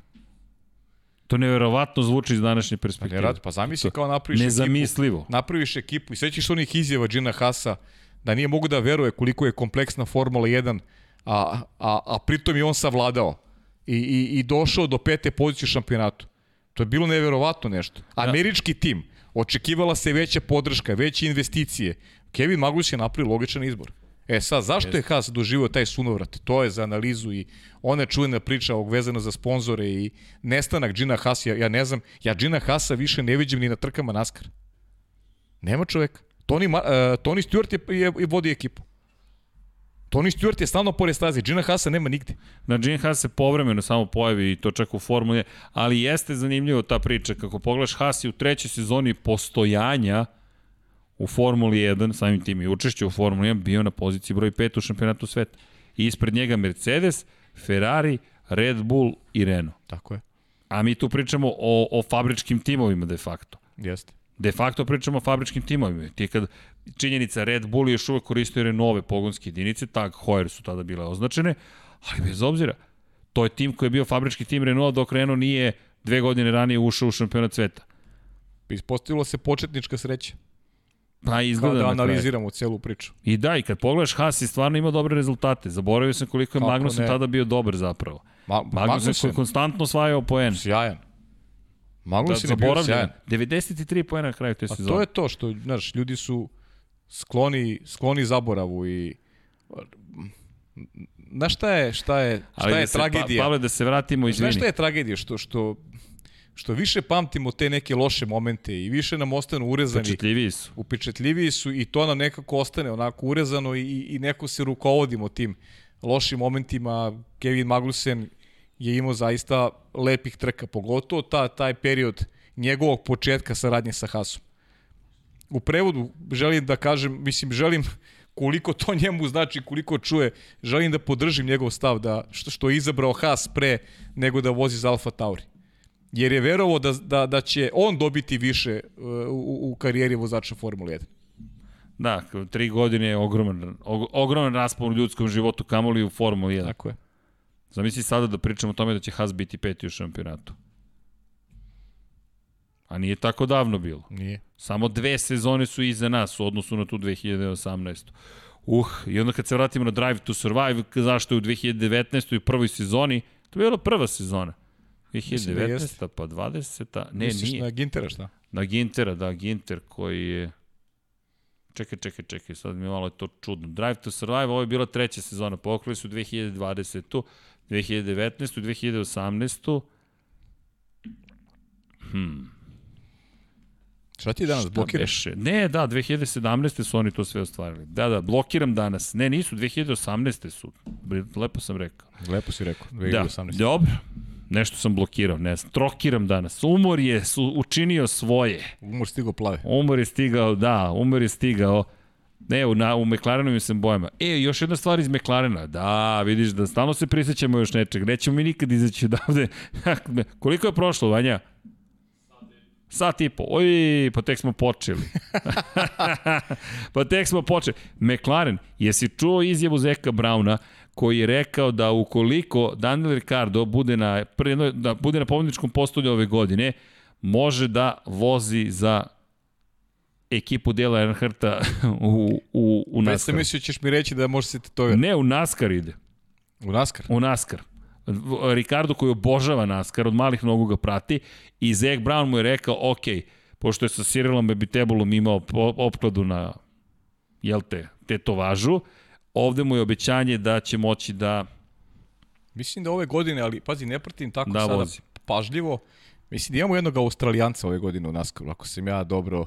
da, Čini mi se da imamo jednog Australijanca, Meksikanac Dani Suarez i da, Da, moći će se automobil- pojavlja pored jedan Australija, automobilni Australijanac. manje ni više dela Earnhardta će moći da vozi. Neće voziti trku, ok, ali će moći da, da nastupi pa, za pa, automobilom. Da, pa to, to, to, skapirao sam, pa Dale Earnhardt nema svoju ekipu Nema tamo, ekipu, to. nego prosto Iz provoza. ekipe koje je legendarni broj 3 nosila. Jeste. Mislim, a Dale Earnhardt senior, Da. Uh -huh. Dale Earnhardt senior, znači pazi. broj 3, ne junior. Pazi, to je ozbiljna, ozbiljna automobil. Jeste. Intimidatorov lično. Za one koji ne znaju Dale Earnhardt, i junior i senior su legende. Svaki, yes, svaka na svoj, na, svaki, svaki od njih na svoj način. Jeste, jeste. Dale Ovaj po tome koliko je obožavan, mislim, novog mlađeg, da, a ovaj kakav je šampion bio. veliki šampion. I bio je i obožan i omražen. Jeste, da, on je... On je baš podelio On je javnost. podelio javnost, ovo, ovo je bio baš obožavan. Univerzal. Junior je, ja, junior je onako nepodeljena je bila javnost kad je u pitanju ljubav prema njemu. Ne, Zach Brown tweetovao je čovjek i to da, iz, interesantno, eto. iz super. nisam vidio, moram ti 1984. priznati. Chevrolet Monte Carlo. Ti sediš i gledaš i gledaš, šta ti to sa onim oznakom Wrangler? Ja mislim da klijenti danas ne znaju ni šta je Wrangler. Da. to ti ja se smijem kao ho, ho, Wrangler, imam majicu Da. Wrangler. Ali dobro. Da, to sam da, zaboravio. dobar izazov, dobar izazov. Vidiš. A, nije loše. A stalno vidiš kako ljudi stalno poslije neki izazov pred, pred Ricarda. Ovaj će Izgleda da se ga to pokreće. ovaj mu daje da vozi delo vo, ovaj automobil. I na šta vidim ja? Vidim Šta? podijum, sigurno. I, isto, Vidim- isto. vidim- Vidim ga u podijum. broj 4 kako Vidim krstari podijum, da. negde u Americi Jeste. drumom. I izigrava Toma Cruza. Da, izigrava Toma Cruise. Ej, pa vidi, Tom Cruise sa Nicole Kidman se upoznao, a Nicole Kidman je iz Australije. Da, vidiš. Kakve to veze ima sa, sa životom, nema veze, ali zabavno zvuči. Gde odo smo mi večeras? Pa vidi, tri nedelje pauze među fotraka Formula 1, da, pa, i pa poludi pa čovjek. možeš pričamo što Pa hoćemo. da, da, da, pa možemo. I, Malo se zabavimo. pa da, ali mi je fascinantno ovo sad za, i za Haas mi je ovo sad flashback, olo peti su bili u šampionatu sveta. Što me dovodi do, znaš koga, do Williamsa, kada već pričamo o Haasu i toj bici, Jost Capito, novi izvršni direktor, i to se dosta paralela povlači. Mnogi analitičari sada pričaju o tome da je na neki način da definisan novi put za timove u Formuli 1 dolaskom Andreasa Zajdla. Uh -huh. Zajdla kao šefa ekipe koji nije... Znaš šta je tu zanimljivo? Izvršni direktor u celoj priči nije čovek koji privlači najviše pažnje, kao Ron Dennis nekada, koji je bio menadžer ekipe i koji je istovremeno znao se šta radi, dakle upravlja, upravlja, upravlja i upravlja, a mi dođemo do toj situacije da sada imamo ljude koji su specijalisti za menadžment ekipe, ali nisu izvršni direktori. I to ti je kao Ne znaš šta me podsjeća, na američki sistem u NFL-u imaš šefa, ali to već vidimo i kod Red Bulla. Imaš Helmuta Marka, imaš Kristijana Hornera. Ovde imaš Zeka Brauna, imaš Andresa Zajda. Sad Jost Capito, vidjet ćemo da li će on dovesti svog menadžera ekipe ili će ostati Jost Capito. Ali činjenica je da je u celoj toj priči zapravo neophodno dovesti čoveka koji je iz automotosporta, koji to voli, zna, razume i može dobro da organizuje. I Kapito koji je rekao da im ne pada na pamet da žrtvuju razvoj bolida za 2022. zarad bilo kakvog ubrzanja i poboljšanja bolida u 2021. godini. Zar nije tako za svaku oblast, ono? Da treba da vedeš neko ko ima znanje vezano za tu ali oblast. Ali i ljubav prema tome. Pa dobro, naravno, to se, to Znaš, se podrazumeva. Ali da. kod Ferrarija se nije baš podrazumevalo. Da dovedeš iz duvanske industrije čoveka. Mada on još i nije bio loš kako se ispalo na kraju. jeste, jeste, da. Mauricio Rivabene... Jest. Pa da, Mauricio Rivabene se očito... Borio se za titule. Dobro kotira, znam da je kasnije čak bio i kandidat za izvršnog direktora i, i u Ventusu takođe, tako da Mauricio Rivabene očigledno ima dobre kontakte tamo i to ga je poguralo. Ali dobro, to je sad. To je sad neka... Neka prošlost. Neka druga priča. Druga da. priča, da. Ali dobro, uradio je svoje, ostavio je... Ne, ni on kratko bio. On, pa gde kratko? Da što baš... Kako ne, provio je to u jednom periodu koji treba bude dobro za Ferrari. On se krajem 2014. pojavio. Pet godina je vladao. Lutali su mnogo, oni su lutali. Najboljeg čovjeka su ispustili, to ono što pričamo stalno. Ha, znam koga će Stefano Domenicali. A, da. Ej, da. pa i on se oglasio. Viš kako pa je od nešto u vazduhu. Ne, kad je Formula 1, to je to. Domenicali koji je rekao da je velika privilegija što je postao izvršni direktor Formula 1. I da je to za njega zaista velika čast. Pri čemu, ono što je zanimljivo, ne želi da bude, pošto ga porede sa Bernie Ecclestonom, Bernie 2.0.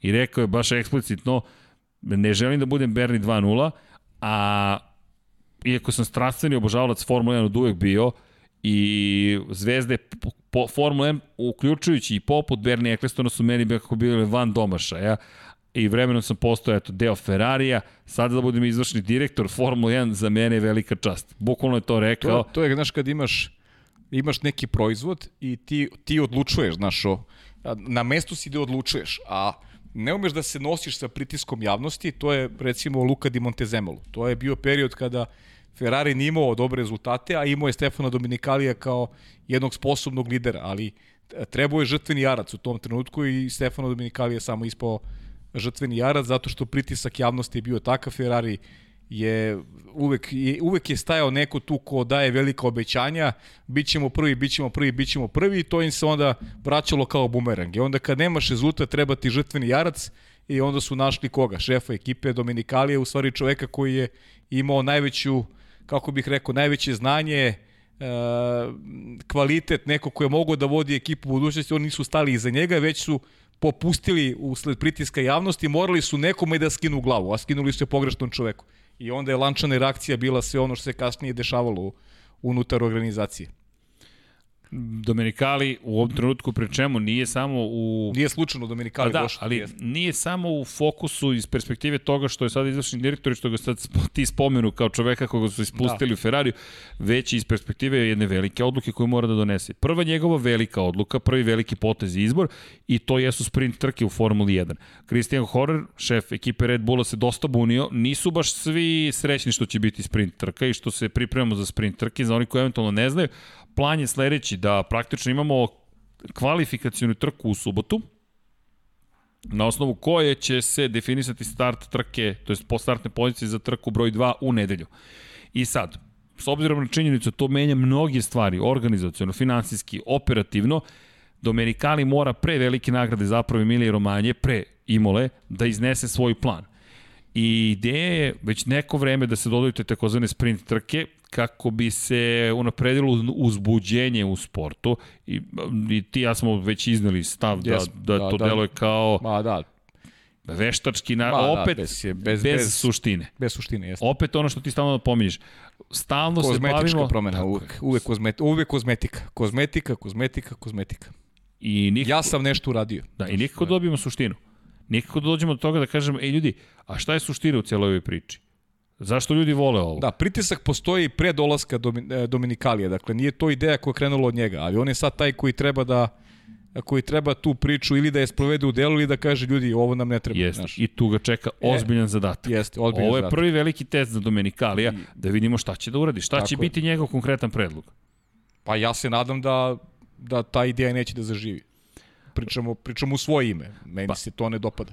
Jer mi imamo Formulu 2, ne treba nam Formula 2 u Formuli 1 sprint trke, imamo nešto što je istorija, nešto što znamo kako izgleda takmičenje u Formuli 1 kroz istoriju i, i ajmo, da, ajmo da, zašto bi menjali tu istoriju? Ne menja ni NASCAR, što bi NASCAR menjao. Ni NASCAR ne menja svoju istoriju, niko ne menja svoju istoriju. Menja neke druge stvari. NASCAR koji testira drugačije trke, na primjer. Pa, druga, pa NASCAR koji je vratio sad trku na šljaci, recimo. To je eto, nešto što se dešavalo prošli, pa su evocirali uspojene ono što se dešavalo nekad ok, ali nemoj da menjamo koncept takmičenja, mislim da nema potrebe. Ono što meni posebno smeta u celoj priči jeste izbor staza na kojima planiraju to da učine. Iako je Montreal trebalo da bude prva trka na kojoj će se to desiti, za prvu trku sprint ikada praktično u istoriji Formule 1, Domenicali je međutim potvrdio da će to biti za veliku nagradu Velike Britanije u Silverstone. Hodeš u Silverstone, to je poprište prve trke u istoriji Formule 1 ikada, 1950. godine to po meni, po mom mišljenju, mora da ostane mesto na kojem dođeš i kažeš, ej ljudi, mi znamo da ovde se poštuje Formula 1 na određeni način. Ili je možda to ideja, e, ovde je sve počelo, ajde da počne još nešto ovde. Pored toga, plan je da se trke tog tipa održe još u Monci i Interlagosu. Čemu? Monca je... Trkačkim stazama pravimo. Baš pravim trkački. A Monca pride najbrža, najveća prosječna brzina dok možda Saudijska Arabija, eto, ne, ne, to ne poremeti. Ali ti tu vodiš sprint trku, pri čemu to je jedan od najbržih trka. Prošle godine je Charles Leclerc imao ozbiljan incident u toj trci. Šta ukoliko neko ima incident u subotu? To je stalno pitanje. Ko će da spremi taj bolid do nedelje? Koji su troškovi timova koje će imati u toj situaciji? Koliko ti vremena imaš da to uradiš? Koliki je to napor za ekipu? Koliko je to trče? Koliki je rizik za vozače? Moram priznati da, da kako sada stvari uh, stoje, to je, ne, to je neki navodno plan, plan da, da ok, da se krene sa nečim novim, ja bih volio da na nekim trkama koje su možda manje, manjeg istorijskog značaja to vidimo, pa eto, to da unapredi taj vikend. Monci ne vidim da treba posebno unapređenje neko. Jeste. To je kraljica brzine po kraljica brzine. Interlagos je uvek spektakularan, uvek je zabavan. Uvek. Pa i poslednja trka u Interlagosu, kako je završena opet je bilo fenomenalnog trkanja. Mislim da postoje neke stvari koje se jednostavno ne diraju, ne, ne, ne menjaju se, nema razloga da se menjaju, znaš. Izmišljaš toplu vodu u, u nečemu što je jako dobro, jako dobro i jasno definisano uh, ono, 50 godina nazad. Tako da... I to je velika odluka. Ne, ne vidim zaista potrebu za tako nečim, ali to je samo moje tvoje mišljenje. I ja se ne pitamo ništa, imamo pravo da ga iznesemo da. pred našom publikom i eto, prosto i i vi da podelite utiske vezano za, za celu priču. Ajde da, da iskoristimo priliku. Ja, ja mislim da smo... Možda smo amatorili, možda smo ono, konzervativni prilično. Konzervice, pa, ono, a moguće. Ne dozvoljavamo da se stvari menjaju, a Pa nismo ne mi baš nešto protiv promjena. Pa nije, to, mislim, otku znam. Ne znam, pa je, čekaj, čekaj. Meni se ovo ne Ti sviđa. Ne, prvi ne znam da li se Vanji sviđa, nemam, znaš, možda se Vanji dopada, ne znam. Ono. Vanja, Ne, eto, ni Vanji se ne dopada. Ni Vanji se ne dopada. Ok, imamo, ne je veliki uzorak, ali je važan uzorak. Vanja kako ne, kako ne. Ne, Vanja, dugo nisi bio u 76. Vanja je važan uzorak, zato što je Vanja ima pogled te, ono, mlad, mlađe generacije, znaš, koja, ono, treba to da, Znaš, da uživa u... da je, izvini, postao deo ob-neob radija. Stvarno? Da. Kako nisam ja to video? Ni- Prvo je postao realizator Aha, kod obneo. dobro. A sad je postao Pošto, gost. pošto pratim kolege koje su sjajne, Čisto da znaš. ve, velike pohvale svoje pozicije. obneob.rs posetiti i Obavezno, možete da. da. čujete Vanju s vremena na vreme u E, stvarno, sjajno. Da, da, da, da. Nisam znao to. Da, da, da, postavlja pitanja za nagradu. Šta delite, knjige? Kolač. Kolač. Deo, opa, kolače. Kad se budu delile knjige, javit ću se ja. Don Pablo je reagovao na kolače. najviše volim da dobijem, najviše volim knjigu da dobijem. Da, eto, možete da dobijete kolače. Vanja osmisli... št- Koje ti je bilo pitanje za pisca pre dva dana? Juče? Da se pogodim. Da. Da. Aha, aha. Ko je bio? John Milton. John Milton. O, ozbiljan. Vanja, Vanja, Ne, samo oštro. Ozbiljan tip. Ozbiljan A dok si pogodio vek, pa dok si pogodio koji je u pitanju. Tako da znate, ukoliko želite da Ozbiljan čujete, tip. možete tu silno da se zabavite. E, jesmo nešto propustili? Pa ne sjećam se da smo propustili. Pričali smo o svemu, mislim. Propustili, nadam se da nismo, ali Pa, tu je, pa, nadam se, verna pa, publika. Podsjetite nas Ljudi, ako, ako jesmo nešto. Imamo, ima pitanja, ali dobi, si, dobi, dobijaš neke pitanja? e, da li dobijam pitanja? Pa verujem da ti, da ti dobiješ. Ljudi, Dobijam, da, hoćemo- nije, nije tako kao prošle nedelje, naravno nema trke, ali ima pitanja, možemo da se ono, postavimo pitanjima. Ima interesantnih, ovo, ima i nekih novih ljudi. Uvek je lepo kad vidim da ima Jeste. novih ljudi koji se javljaju, to me baš posebno raduje. Da li imate neke, čekaj, čekaj, ovde ima da se vrati klasičan što ide, aha, dobro, ovde je u menjačima je rekao 100 da vratimo, ali ono što zapravo treba. Vanja, Vanja bi mogao da nas se pridruži kad ponovno budemo imali ovako pauzu između trka. Može, ajde, sad Davno prva sledeća prilika. Prva sledeća Vanja prilika, da nam može. dođe malo da se družimo. Može, odlično. Da, u svakom Što slučaju, podrazumeva da će Pablo biti tu, pošto ovaj mora da danas namešta.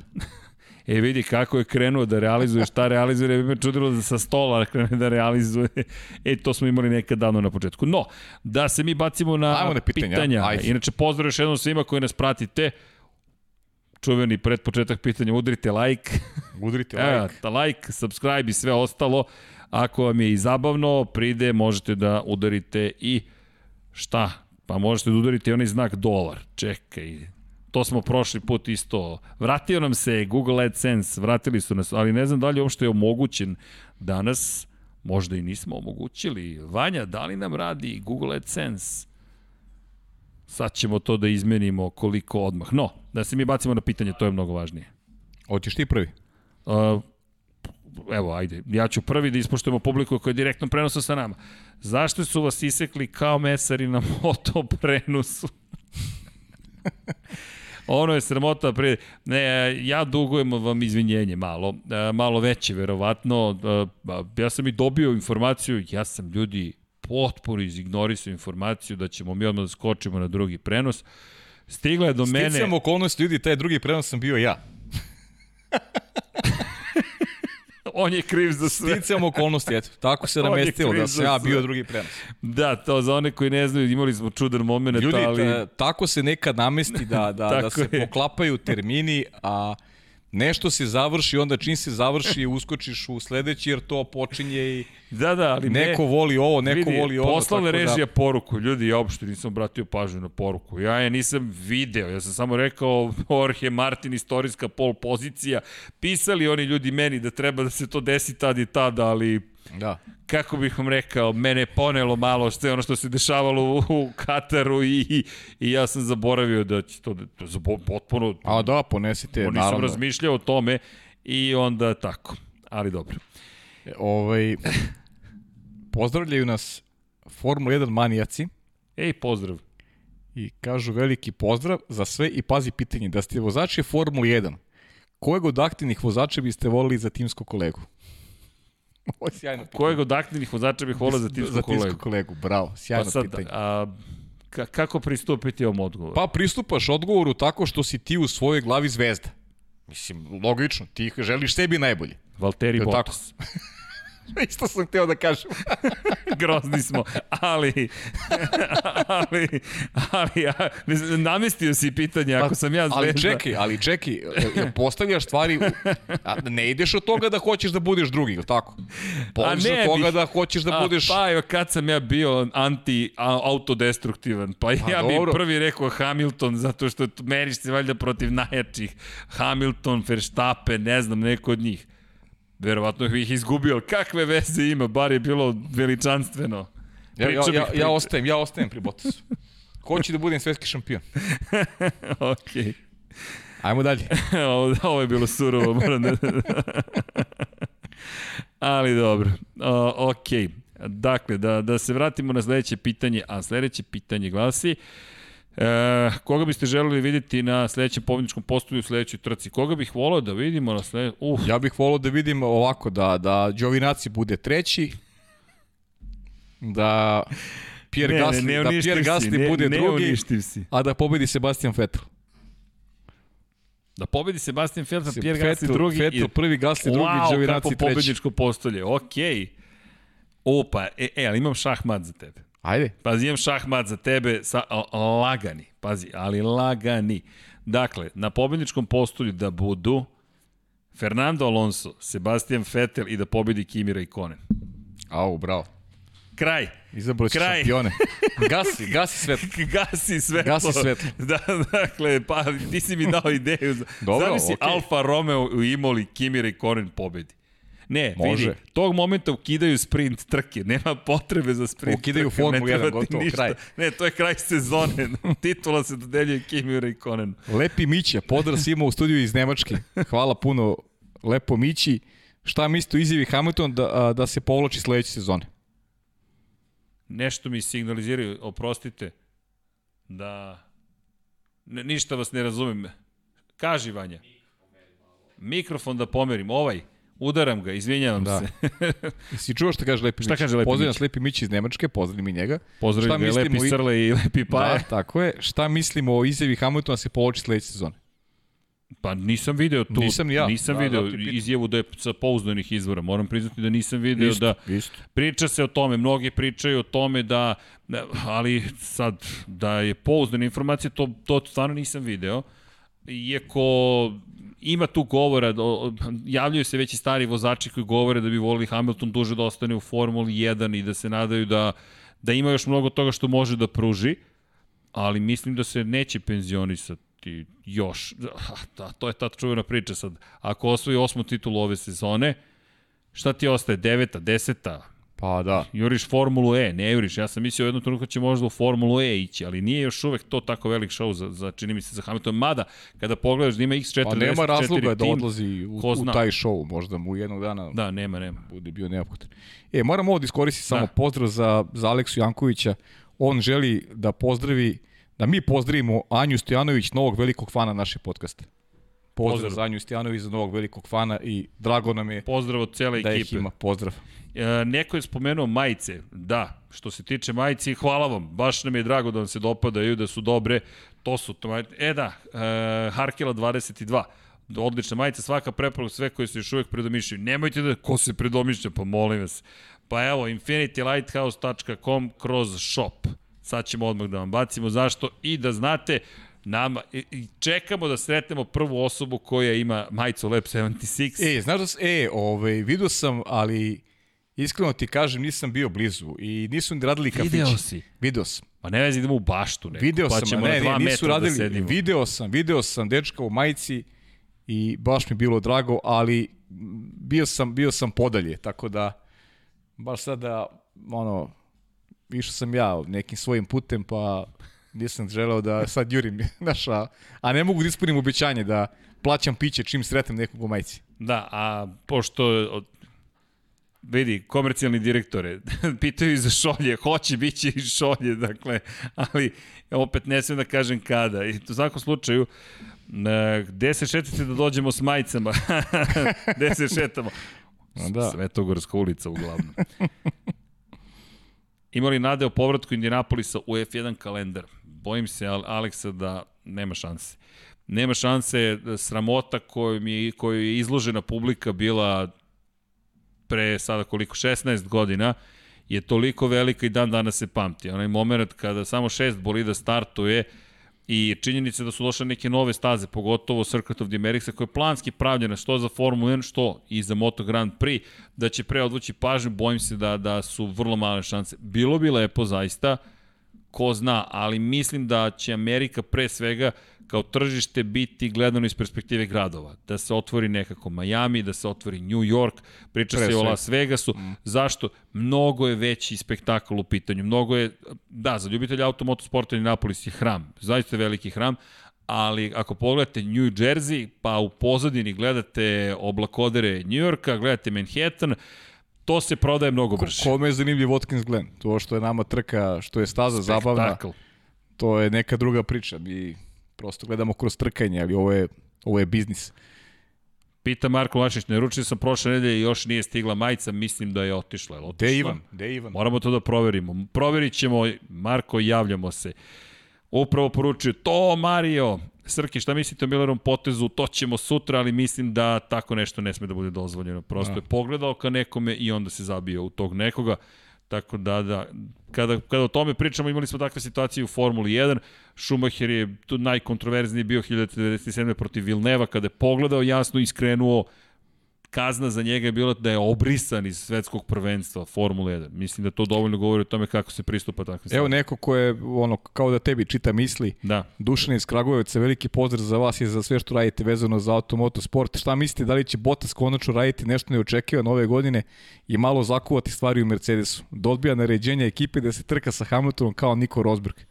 Svako dobro vam želim i mi tebi Dušane. I izjasnio sam se, ja ne mislim da će to da se dogodi, ali ovaj čovjek sa moje leve strane, on misli. Pazi, ja imam osjećaj da je, da je potas blizu one tačke pucanja. Da je blizu tačke pucanja, zašto?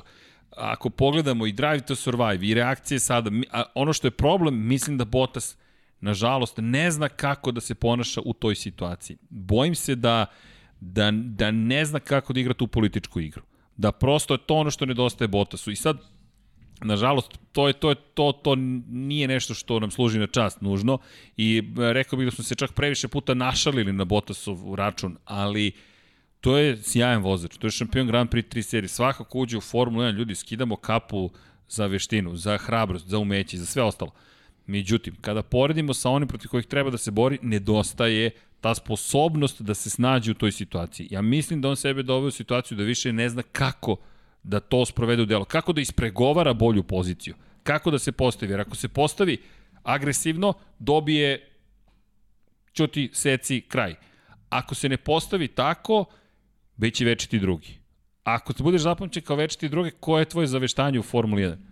Šta da si bio samo drugo vozač koji je trebalo da donese titulu u šampionatu konstruktora eventualno dobije jednu, dve pobede u, u sezoni, u najmoćnijem bolidu koji smo ikada videli, što rezultatski, što u odnosu na druge, a ti ako si trkač, to je teško. Mislim da mu da prosto on ne zna kako to da uradi.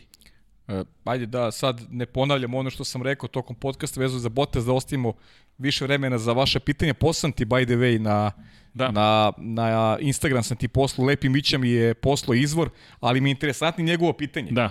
Uh, jel postoji mogućnost majice da se pošalju za Nemačku, pita? Da. Hteli bismo da je proštemo majicu u Holandiji na trci, pošto živimo blizu, bit ćemo ja, tamo 100%. ljudi, pa to bi bilo fenomenalno. Radimo na tome upravo. Evo, da, da, ukratko, u čemu je stvar?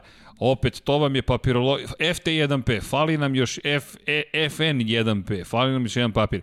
Da bismo prodali e, majicu, jel te, uvodimo sistem sada, nismo planirali ljudi, iskreno, zaista nam nije bio plan da, da, da prodajemo majice, srećni smo i naravno da nam je super, M je čast da, da neko izabere da nosi našu majicu. Meni to stva, zaista Jest, čast. kako nije. Ne, nevjerojatna privilegija.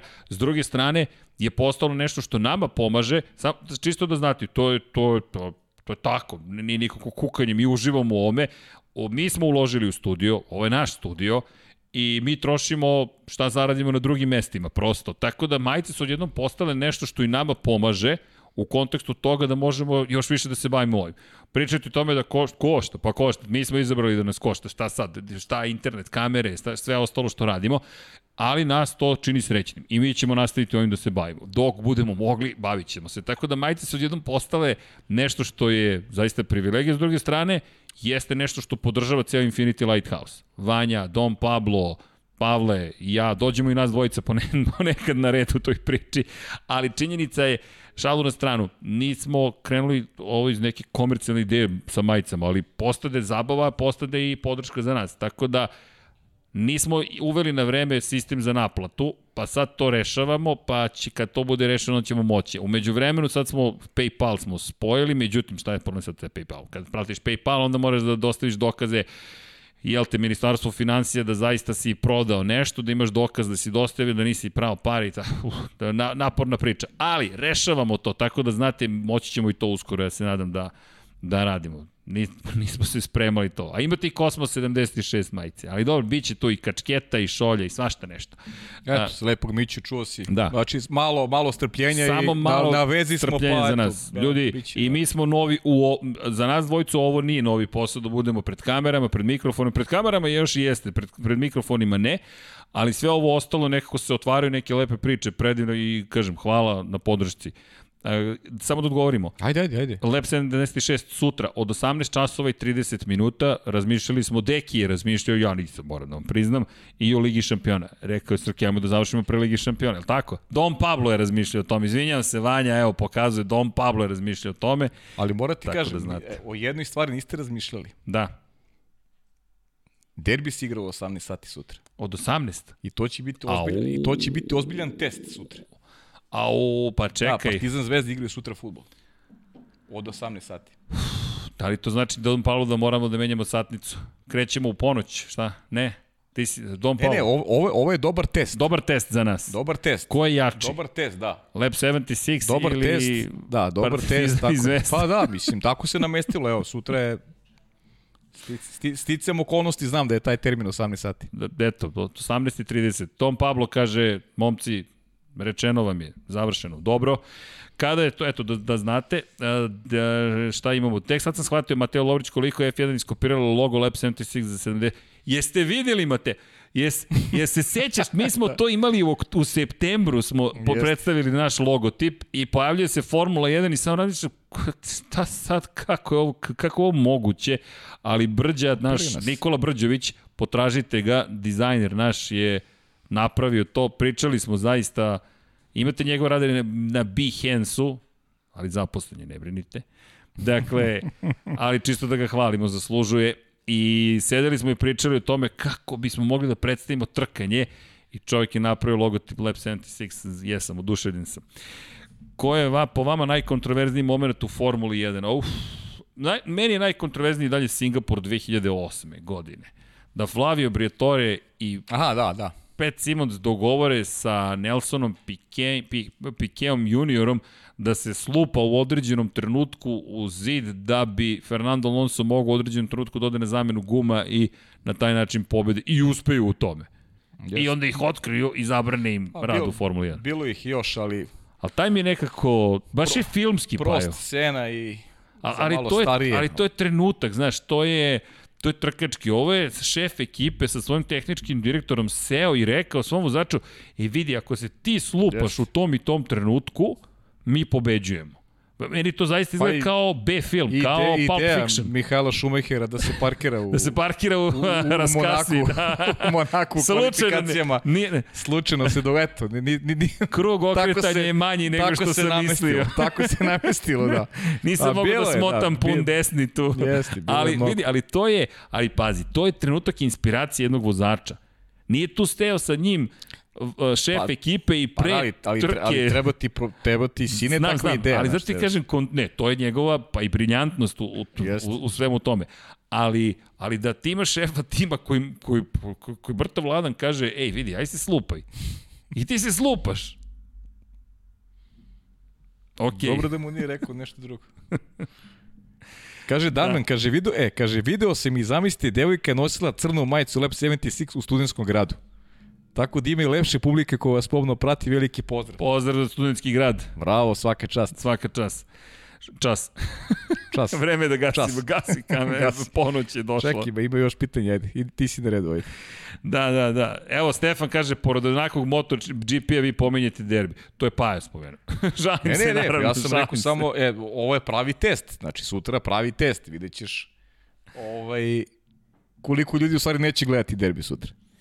E, Možda sam propustio, ali šta i kako Paja komentariše nastup Sainca u debiju za Ferrari? Pa dobar nastup. Dobro, zaista.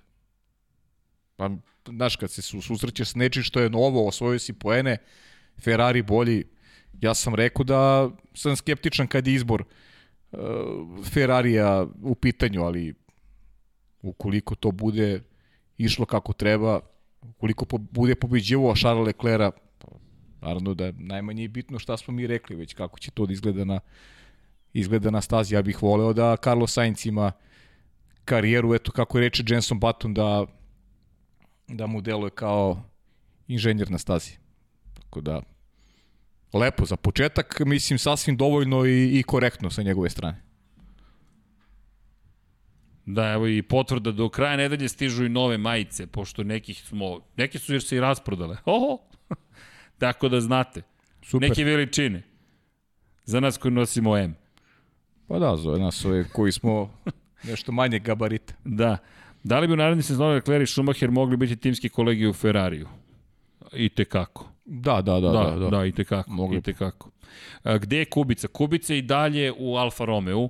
Kubica je testirao, bit će i probni vozač u nekim trkama. Ako pogledate malo pažljivije, glavni sponsor ekipe Alfa Romeo je zapravo poljska petrohemijska industrija, tako da nemojte da brinete, Kubica ima podršku i dalje prilično veliku, tako da dok je tog sponzora, Kubica će biti gotovo sigurno rezervni vozač. Dejane, pozdravi tebi Dejan Andrić koji nas je stalno javlja, ne znam za DTM iskreno. Ti znaš nešto što ćemo raditi DTM ove godine? Ja, ja U, moram ti priznati da nemam tu informaciju. nemam, nemam, Dejane, tu informaciju, pozdravljamo te, pa kad budemo nešto saznali, ras, raspitat ću se, obećavam za, za sledeći podcast. Mohamed Hajdari, šta ako naredne nekoliko utrka za Mercedes prođe jako loše, borba za Q3, ima li Mercedes toliko moći da potencira povratak stara pravila za pod diferencijali, hoće Aston Martin ići u novo kapiranje Mercedesa, pogotovo sa poklucem motora?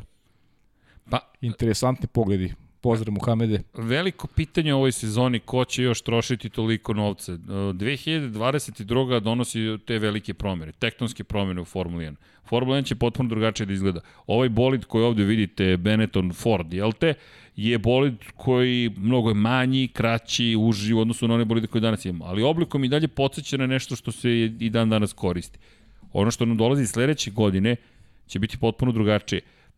Tako da je to sada veliko pitanje do koje mere će timovi investirati u ovoj sezoni.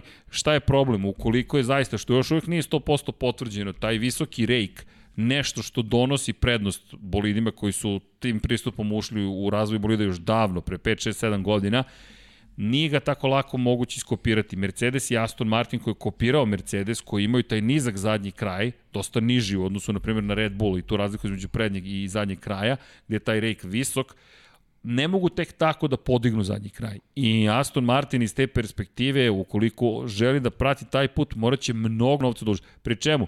Postoji pitanje tokena. Potrošili su tokene. Pitanje je do koje mere je šta moguće više izmeniti, a da ne dođete do toga da vam je potreban token, koji nemate na raspolaganju. Tako da, da što se tiče poklopca motora, to je dobro pitanje, to ne znamo, to je sad aerodinamika i pratit ćemo vrlo pažljivo, pogotovo što je McLaren pokazao da ne moraš da imaš izbočine, ako pogledate, McLaren je lepo spakovao taj Mercedesov, po, celu pogonsku jedinicu i motor. Jeste. Dorijan Tiček, pazi ovo, e, ovo je sad pitanje pravo. Hvala Dorijane. Može neka opklada da Srki radi tetovažu? Na primjer, ako! Russell završi na podiju. Opa, ka, u, kom, A? u kom bolidu?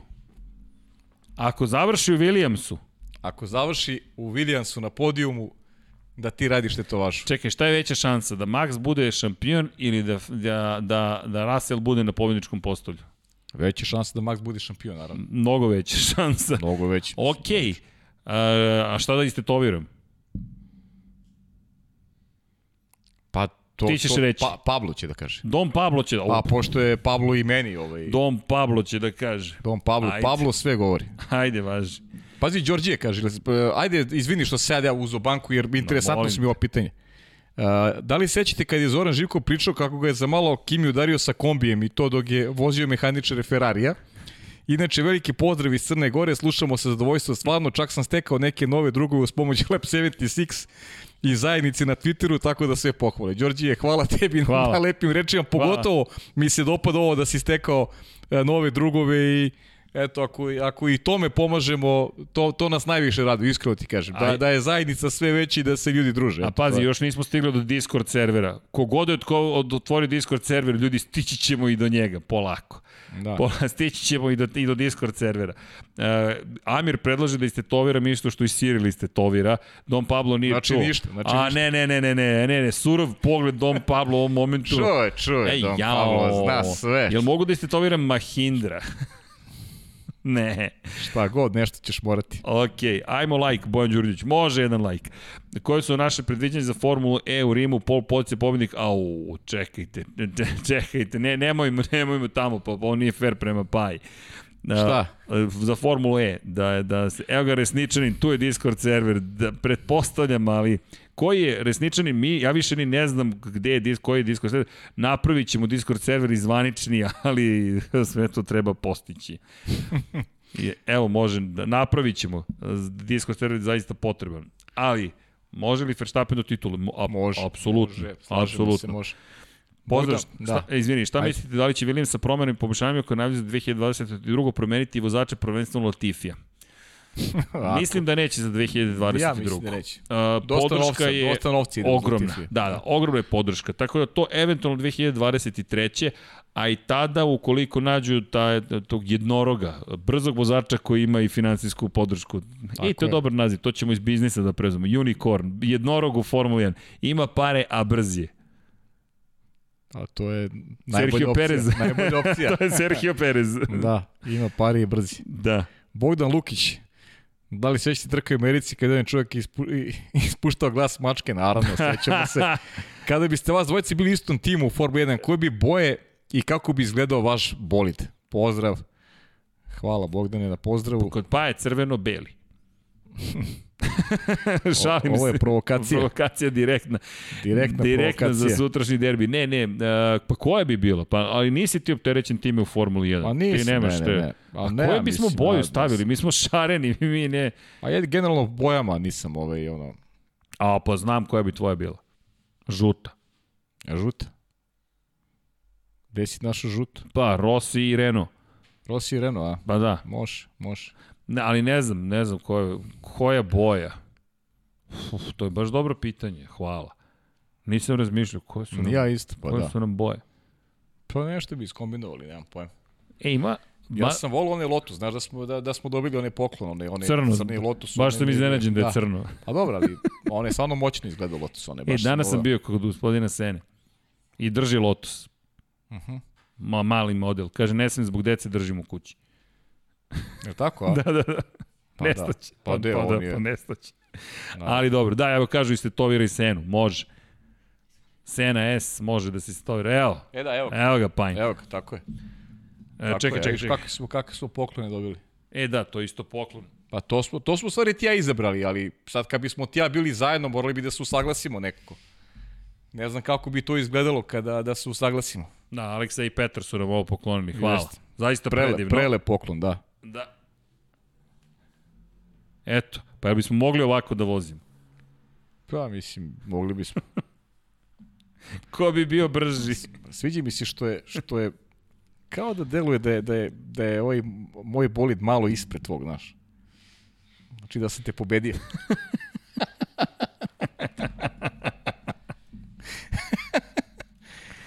Čekaj, da, imamo još A pitanje. jesi čekaj. siguran? Ja, ja Pa ovde de, ne tražim znam, foto nešto mi finish. tako mi izgleda, ne, ne znam. ja tražim ovde foto finish, publika da se izjasni. Ovo mi djeluje. A? Nisam siguran. Vidi ga ovaj lepi čovjek, je James Hunt ovde, kako te... James Hunt. da li biste vratili stari sistem bodovanja u Formulu 1? Husmin Sinanović pita.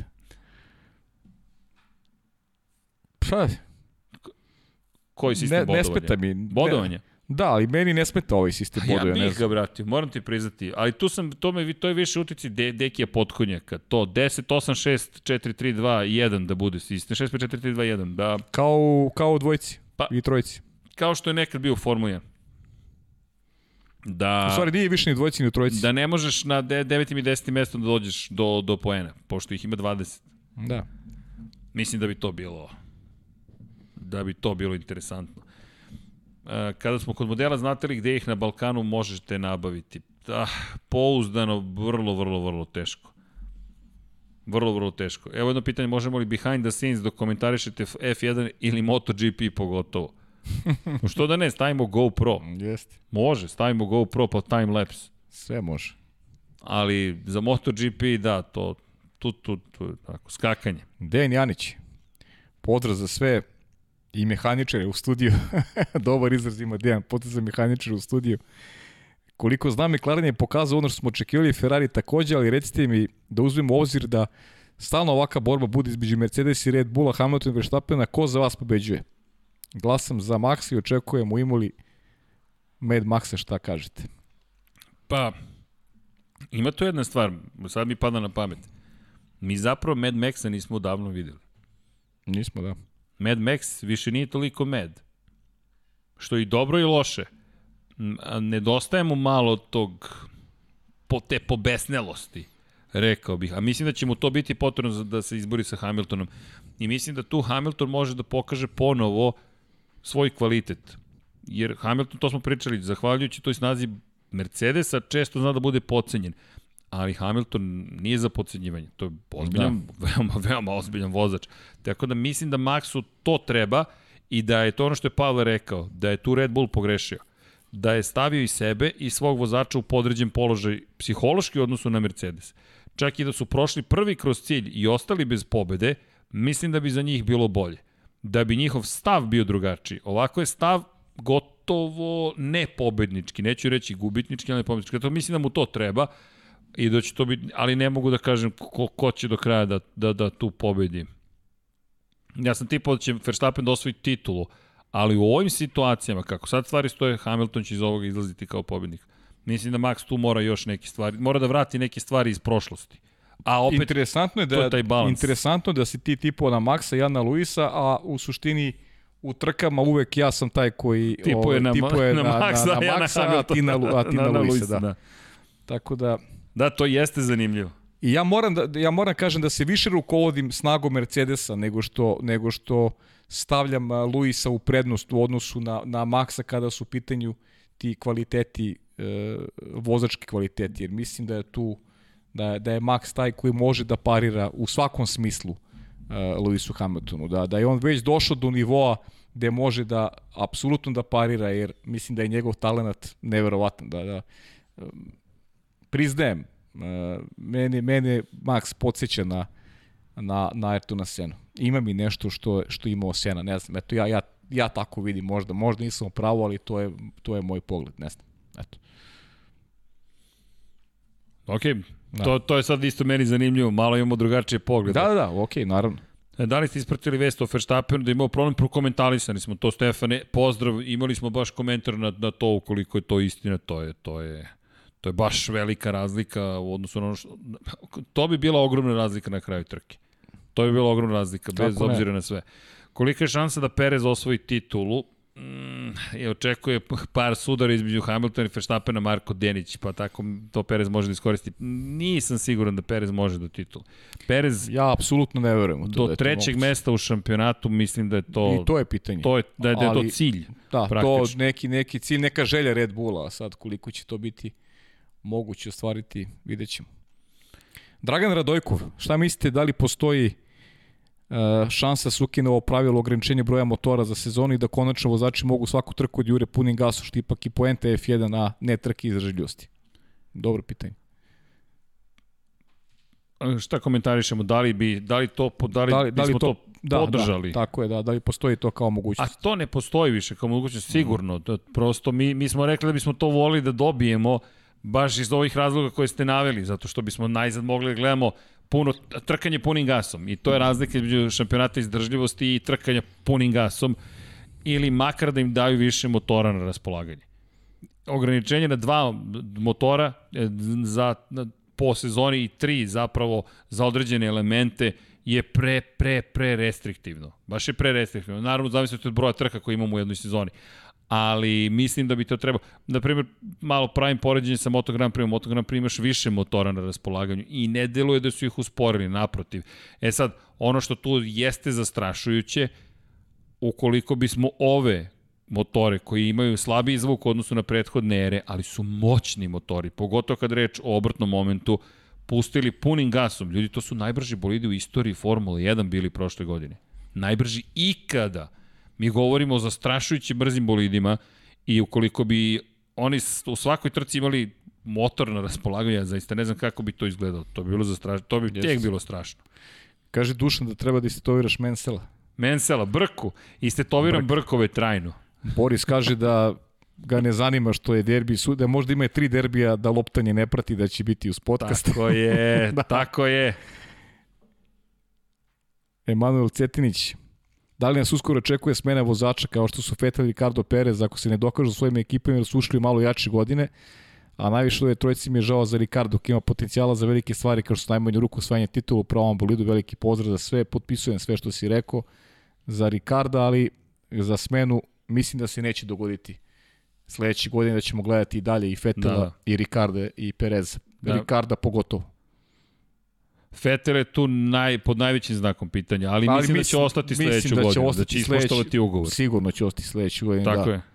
Tako je, da će bukvalno ispoštovati ugovor i da će tako ostati. E, bilo je jedno pitanje o tome da nismo spominjali pouzdanost Red Bulla. Uh -huh. Prošle godine je tu bilo problema i to jeste činjenica. Jeste. Kao što sad već u prvoj trci što su, što su izgubljene 0,3 se- sekunde, ako ti na prvoj trci sezone već si platio ceh i nastavi se to, a Mercedes te sustignu među vremenu, možda si već tu izgubio neku kritičnu, to je kritičnu prednost koju si imao na početku sezone. Tako da je to odličan argument. Ono što će takođe biti zanimljivo videti jeste sada Mercedes u drugoj ulozi, a tu smo već videli da kada su generalno naterani da traže više od sebe, da i u Mercedesu bilo kojem, kod bilo kog proizvođača počinju da se javljaju problemi. To smo videli kada je Ferrari pojačao svoje bolide, da je i Mercedes počeo da ima probleme određene. Jednostavno, to je ta trka. Tražite više, smanjuje se pouzdanost. Bogdan pita da li Pablo navija za Kvartarara, jer Dom Pablo El Diablo ima sličnosti, morate priznati. Ne znam, ja koliko znam, jedan ozbiljan Rosijevac je u pitanju.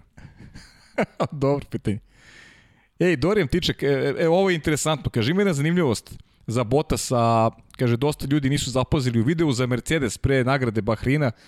Valtteri Luis su odgovarali e, šta bi radili da nisu vozači Formula 1 i Bottas je rekao da bi bio hokejaš. Ej. I, I da je pre nekoliko dana To. došla vez da postaje vlasnik jednog hokejaškog kluba To u sam Finskoj. zaboravio, jeste. Da, to je, e, pazi, mene je kupio sa tim. Pošto sam ozbiljan fan hokeja i obožavam hokej, tako da... Sve nas je kupio. I u suštini Finac, šta može Finac? Ili će da vozi auto, auto ili će da igra hokej, nema, nema tu treće opcije. Pa nema. A Finci su inače Rally, ve, vele, Formula vele 1, sila u hokeju. hokej. Ima još neka aktivnost. Pa, mislim, ima skijanje neko, sigurno zimski sportovi. ali- A, pa u nordijsku. Ne, ali to, to su Norvežani ipak. Da. Ali dobro. Ima zanimljivo. Evo Janko, koji, koji motor uzimaš? Dom Pablo se smeje. Radimo na tome. Muhamed Hajdari upravo kaže da li je konačni kraj za Fetela i Fetelu psiho bio u sezoni 2019 Kanada ukradena pobeda, Leclerc blokira kvalifikacijni krug u Monci i konačni kraj u, Ruti, u Rusiji otkaz motora, a 2020 ono što je bilo je ono što je i malo želje bilo je otišlo sa otkazom. Dobro je analizirao. Pa ima tih udaraca. Ja, ima, da, ima to je, tih, tih dobiješ udara, postoje, da. nekoliko za redom. Na kraju može da se desi da, da prosto popustiš. Pa da, kad se, kad se vežu sve te stvari, dobijamo ono što je aktualna priča vezana za Fete, ali ponavljam, verujem da će to da, da, da bude bolje u tokom sezone. Ozren Prpić, kupanje u hladnim termama, skijaški skokovi i leteći finac. Da. Pozdrav za Ozrena. Da, leteći finac, da. Da, da. E, kako beš? Matin i Kenan. Sećam se, da. Da, Ma, Mat, leteći finac. Matin, Martin i Kenan, tako je. Da, imaju fin... Pa dobro, treba da odemo, a pazi, Reli 1000 jezera je meni, meni san. To je, to i, i Laponija isto sad ove godine što je vožena. To su dve stvari koje bih iz naše perspektive zaista volio da vidim. Jeste. Jedno od pitanja je bilo za Ameriku kada se desilo to 2005. da su samo da je samo šest bolida ostalo. Jeste. Na- Seća na se dobro te trke, da. Ne ponovila se. Evo, Jasijas može srđani pozdrav za Aldinu Mlivo. Naravno da može, evo pozdrav. Pozdrav od cijele ekipe. Najbolji sudije ikad u FIA. Koga smo spomenuli to? Najbolji sudija, ne znam, ali okej. Jeste. Okay. E, imam dosta pitanja, ne znam da li sam propustio Da li bi Verstappen mogao posle Hamilton da uzme tri titule po jednu za Red Bull, Mercedes i Ferrari tokom čitave karijere? U, to je sad ozbiljno pitanje. Za početak da krene s jednom, pitanje je i Hamilton kada će da se penzioniše, ali baš da ode i u Mercedes, pa u Ferrari, da. teško mi je da spoji baš sve to. Jeste. Ferrari ili Ferrari ili Mercedes, ali vide, vidjet ćemo. Meni je to, ali zanimljivo je pitanje koga će sledećeg da juri Ferrari kada dođe to vreme, kada god to bude vreme došlo. Pa neko se nameće Mik kao logičan izbor, ali pitanje je kako će proći ova kombinacija Leclerc i, i Sainz. Ja kažem, ovo je prvi put era bez, bez šampiona za Ferrari, meni je malo onako ne znam, ne, neobično mi moram priznati. Nešto kao, novo. kao, kao da ne, su, ne, ne sugeriše velike ciljeve, a možda im je to i potrebno, kao neki re- rebuilding, aj tako da ga nazovemo, kao neki reset e, iz koga treba da se iskristališu stvari u bliskoj budućnosti, pa vidjet ćemo. E, nisam pročitao pitanje Branislave, čuo si, pričali smo to o Botasu, da li može Botas u idealnim uslovima pobedi Mercedesa, da imaju, da imaju iste uslove, ja verujem da su ih često imali u krajnjem slučaju, da tu postoji razlika između njih dvojice u generalnom plasmanu, a, a onda Između idemo... Hamiltona i Tako Bottas. je, a onda, da, da, postoji onda, idemo, kvalitet. onda idemo i do stava koji, koji onako negde profiliše Valterija. E, Izvini, imamo pitanje m, da je Max prvi prošao kroz cilj, da li bi mu bila odu- oduzeta pobjeda? Stex. Zavisi od, od prednosti koju bi imao. Tako je. Obično se dobije kazna od 5, Od 5 sekundi, sekundi, da. da je vodio. To je Hamilton, na primjer, imao prošle godine kada je Lando Norris u prvoj trci sezone jurio. Treći je prošao kroz cilj, Hamilton, ali je Norris zaostajao manje od 5 sekundi, vozio najbrži krug trke na Red Bull ringu i došao Nikad do nećemo trećeg znati mesta. da li bi napravio Max prednost od 5 sekundi, ali je svako da imao potencijala da tako nešto napravi. Ali nije to poenta. Poenta je u onome što je rekao Srđan, ja stojim iza toga isto da je Red Bull trebao tu da preuzme jednu vrstu i rizika i da pusti čoveka da završi kao pobednik trku. Izvini, uh, ima ovde dve, dva zanimljiva pitanja. Treći pokušaj, Nikola M. Razlika između fabričkog agregata i istog u drugim timovima, da li isti ili osakaćeni? Isti su.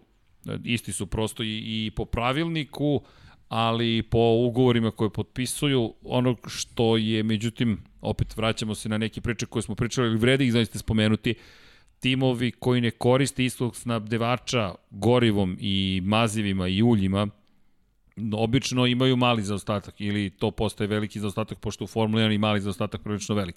Stalno napominjemo McLaren iz 2014. Zahvaljujući činjenici da je s Petronasom razvijao sam motor, ceo sistem unutrašnjeg, motora sa unutrašnjim saogravanjem, pa i ceo sistem podmazivanja, to jest ulja koje se koriste, Petronas je Mercedesu davao prednost. Kažu da je prednost bila od oko 1 od 100. E sad, Mobil je u to vreme snabdevao McLaren i zaostatak je postoji i rekli su da je pitanju gorivo. Ono što je međutim sada dobro u ovim godinama koje su usledile, što su i ostali proizvođači mnogo napredovali, imaju mnogo više iskustva, tako da postoje razlike, ali nisu na, na, na, na inženjerskom nivou, nisu na nivou proizvodnje, već prosto činjenica da imate manje znanja kako da izvučete maksimum iz njih.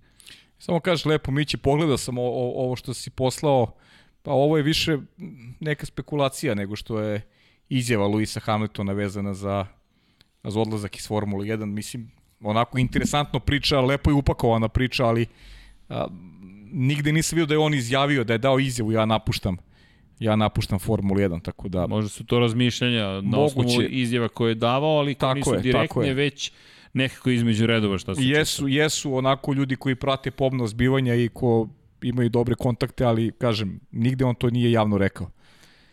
E, pa joj, izvini, jedno Ajde, ajde, pitanje samo napred. imamo s ove strane. Da sa, sa leve strane, e, pitanje je Filip, to je Filip, kaže, Max u Monci kada je koristio Fetela za obiženi dokaz da ume da bude kreativan. Filipe, da, ali to je još vreme Tora Rossa. To je davno, davno sada već bilo. I kada pogledamo karijeru Maxa Verstappena, ta preticanja koju on imao, gde on prati jednog Sebastijana Fetela koji za ceo krug pretiče u tom momentu nje konkurente Maxa Verstappena da bi se on provukao pored jesu ono što nas je oduševilo inicijalno kod Maxa Verstappena, ta njegova maštovitost, brzina i agresivnost, par puta je prešao granicu i u tom obuzdavanju, to je uvek ta priča, kako da se obuzdam dovoljno da ne prelazim granicu, da završam trke, jer on tu trku u Monaku nije završio. Imao incident sa, sa Romanom Grožanom na startno ciljnom pravcu, a da opet budem dovoljno brz. To je ono što je to čuveno pitanje. Kako da vi jednog osijanog čoveka, klinca, da obuzdate dovoljno, ali ne previše? To su nijanse. Formula 1 Bosna, još jedan pozdrav. Koji aktivni vozač vam je draga nije u Formuli 1? Ko nam je draga nije u Formuli 1? Pa eto recimo Juan Pablo Montoya, ali Može. teško da on sad možda bude baš u Formuli 1. Prošle je malo i vreme, mada... Ali sad, ko, nam je, ko bi nam sada bio da, je u, da treba da bude u Formuli 1, a da nije u Formuli 1? Pa eto, ja sam ono, vo, volao bih jednog takvog vozača recimo, koji nije u Formuli 1 a i dalje se bavi praktično, bavi se, ima karijeru i dalje vozača. Tako da, eto. A Niko Hulkenberg. A Niko Hul, da, bravo, Niko Hulkenberg, viš. A Niko. Niko, da. Ali on kao da jeste u Formuli 1. Pa ja ga ne računam da nije, Da, eto, kad- zato, ali zato, eto, sam ga i prevideo. Da. Voleo bih Niko, nekako on kao i Perez, kao da su poput vina, kasno Jeste. sazreju. Vedin Hamzić, pozdrav, jedine šanse da u budućnosti ima neko predstavnika svojih prostora jako tanke. Baš, baš jako malo. tanke. Imamo Izvini, imamo još bolji odgovor. Znaš, ali moram da priznam da ovo je još bolji. I Resničanin i Kafe 7 daju bolji odgovor. Niko Rosberg. Niko, Niko Rosberg, da. Da. Da, da bravo. Bravo, bravo, bravo, ljudi. Bravo, najbolji odgovor, Bravo, Niko Rosberg, tako je. tako je. bravo, bravo, bravo. Niko Rosberg, jeste. Jeste, to je fenomenalno.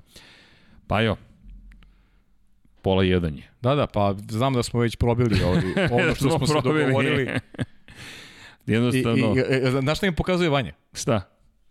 A, Toto, Wolf, Toto Toto, Wolf. Toto Vanja. Ovako pokazuje. Toto Vanja, Toto Vanja. Toto Vanja. Toto Vanja. Toto Vanja. Reci, Toto. Toto Vanja, idemo. Toto Vanja. Toto Vanja, idemo. Ne, ljudi, moramo da, vas, da se pozdravimo. Vanja Wolf. Opa, Vanja Wolf. Vanja Wolf. Vanja Wolf. Može, Branislav Dević, tako je. Vanja Wolf. Da, da, ljudi, moramo da se, da se pozdravljamo. Pola jedan je ujutro. Prosto ima Pa, prosto tu nekih mora- ljudi koji žele mora da i da radi, spavaju. da, da. da, da, i moraju i da rade. Neki Dobro, i ljudi. ti imaš sutra 18.30 termin, Imam, imate ima, ne ti, ima. svi zajedno. Je, Svi da. zajedno imamo, ali pišite nam na komentare na, u samom videu na YouTube-u, javite se preko društvenih mreža, kupite majice, lajkujte, subscribe, ne znam više šta sve ne promovišem, ali šalu na stranu nije čak ni pitanje promocije. Da, to znači nam, a i volimo kada dobijemo podršku, svakako nekako je dodatna potvrda da radimo neke dobre stvari, a, a da se lepo zabavljamo, zaista se ze- lepo zabavljamo. I eto, pitanje da li smo poneli sanke, nemamo predstavu, da li napolju to kijamet neki, Nije, nije padao sneg kad sam dolazio, prestaje ali stvari. ko zna, motorne sanke uvek Da. čak i po asfaltu. Ali šalom na stranu, hvala vam još jednom što ste uz nas, što ste nas pratili. Sledeće nedelje najavljujemo veliku nagradu Emilije Romanje, najavljujemo šta? Najavljujemo drugu trku sezone i ta preduga pauza koja kao da smo ušli u, u, u međusezonu Bukvalno. će biti završena i onda kada se vratimo na stazu, e pa onda već malo će se promeniti situacija. Zašto? Od 18. aprila se stvari polako li sigurno ubrzavaju i 18. april polovina meseca aprila, 2. maj, sledeća trka, 9. maj, trka, i pri čemu velika nagrada Portugalije, pa velika nagrada Španije, pa onda idemo dve nedelje kasnije u Monako i onda samo ređemo trke i onda ćemo da se zahuktamo, a u septembru tek kreće potpuno. I ode godina, Ode godina i mi proglasimo šampiona u Abu Dhabiju i kažemo, pa jo, kad pre. da, kao i uvek. Kao i uvijek, iznenadimo se. I tako 11, Gotova. tako 11 godina. I tako je da. Ajmo sad, idemo, ajde. Ajmo. ajde. Ljudi, hvala još jednom što ste nas pratili. Želimo vam pozdrav, to je šaljemo vam, ne želimo, želimo vam svakog, ali šaljemo vam pozdrav ime cijele ekipe studira kraj univerzuma Infinity Lighthouse-a. Vodite računa o drugima, pratite naravno Formulu 1, pratite Lab 76. Ko voli Moto Grand Prix, sutra ćemo biti Deki i ja tu da pričamo o neverovatnoj trci u Kataru. Jednog dana ćemo dovesti i Paju u studiju po tom pitanju Obećavam. ali još nije došlo to vreme. Sutra, dakle, od 18 časova i 30 minuta, ako gledate u snimku, pa nadam se i dalje da ste uživali. Veliki pozdrav iz me cijele ekipe i naravno, čao svima! Ćao svima, pozdrav.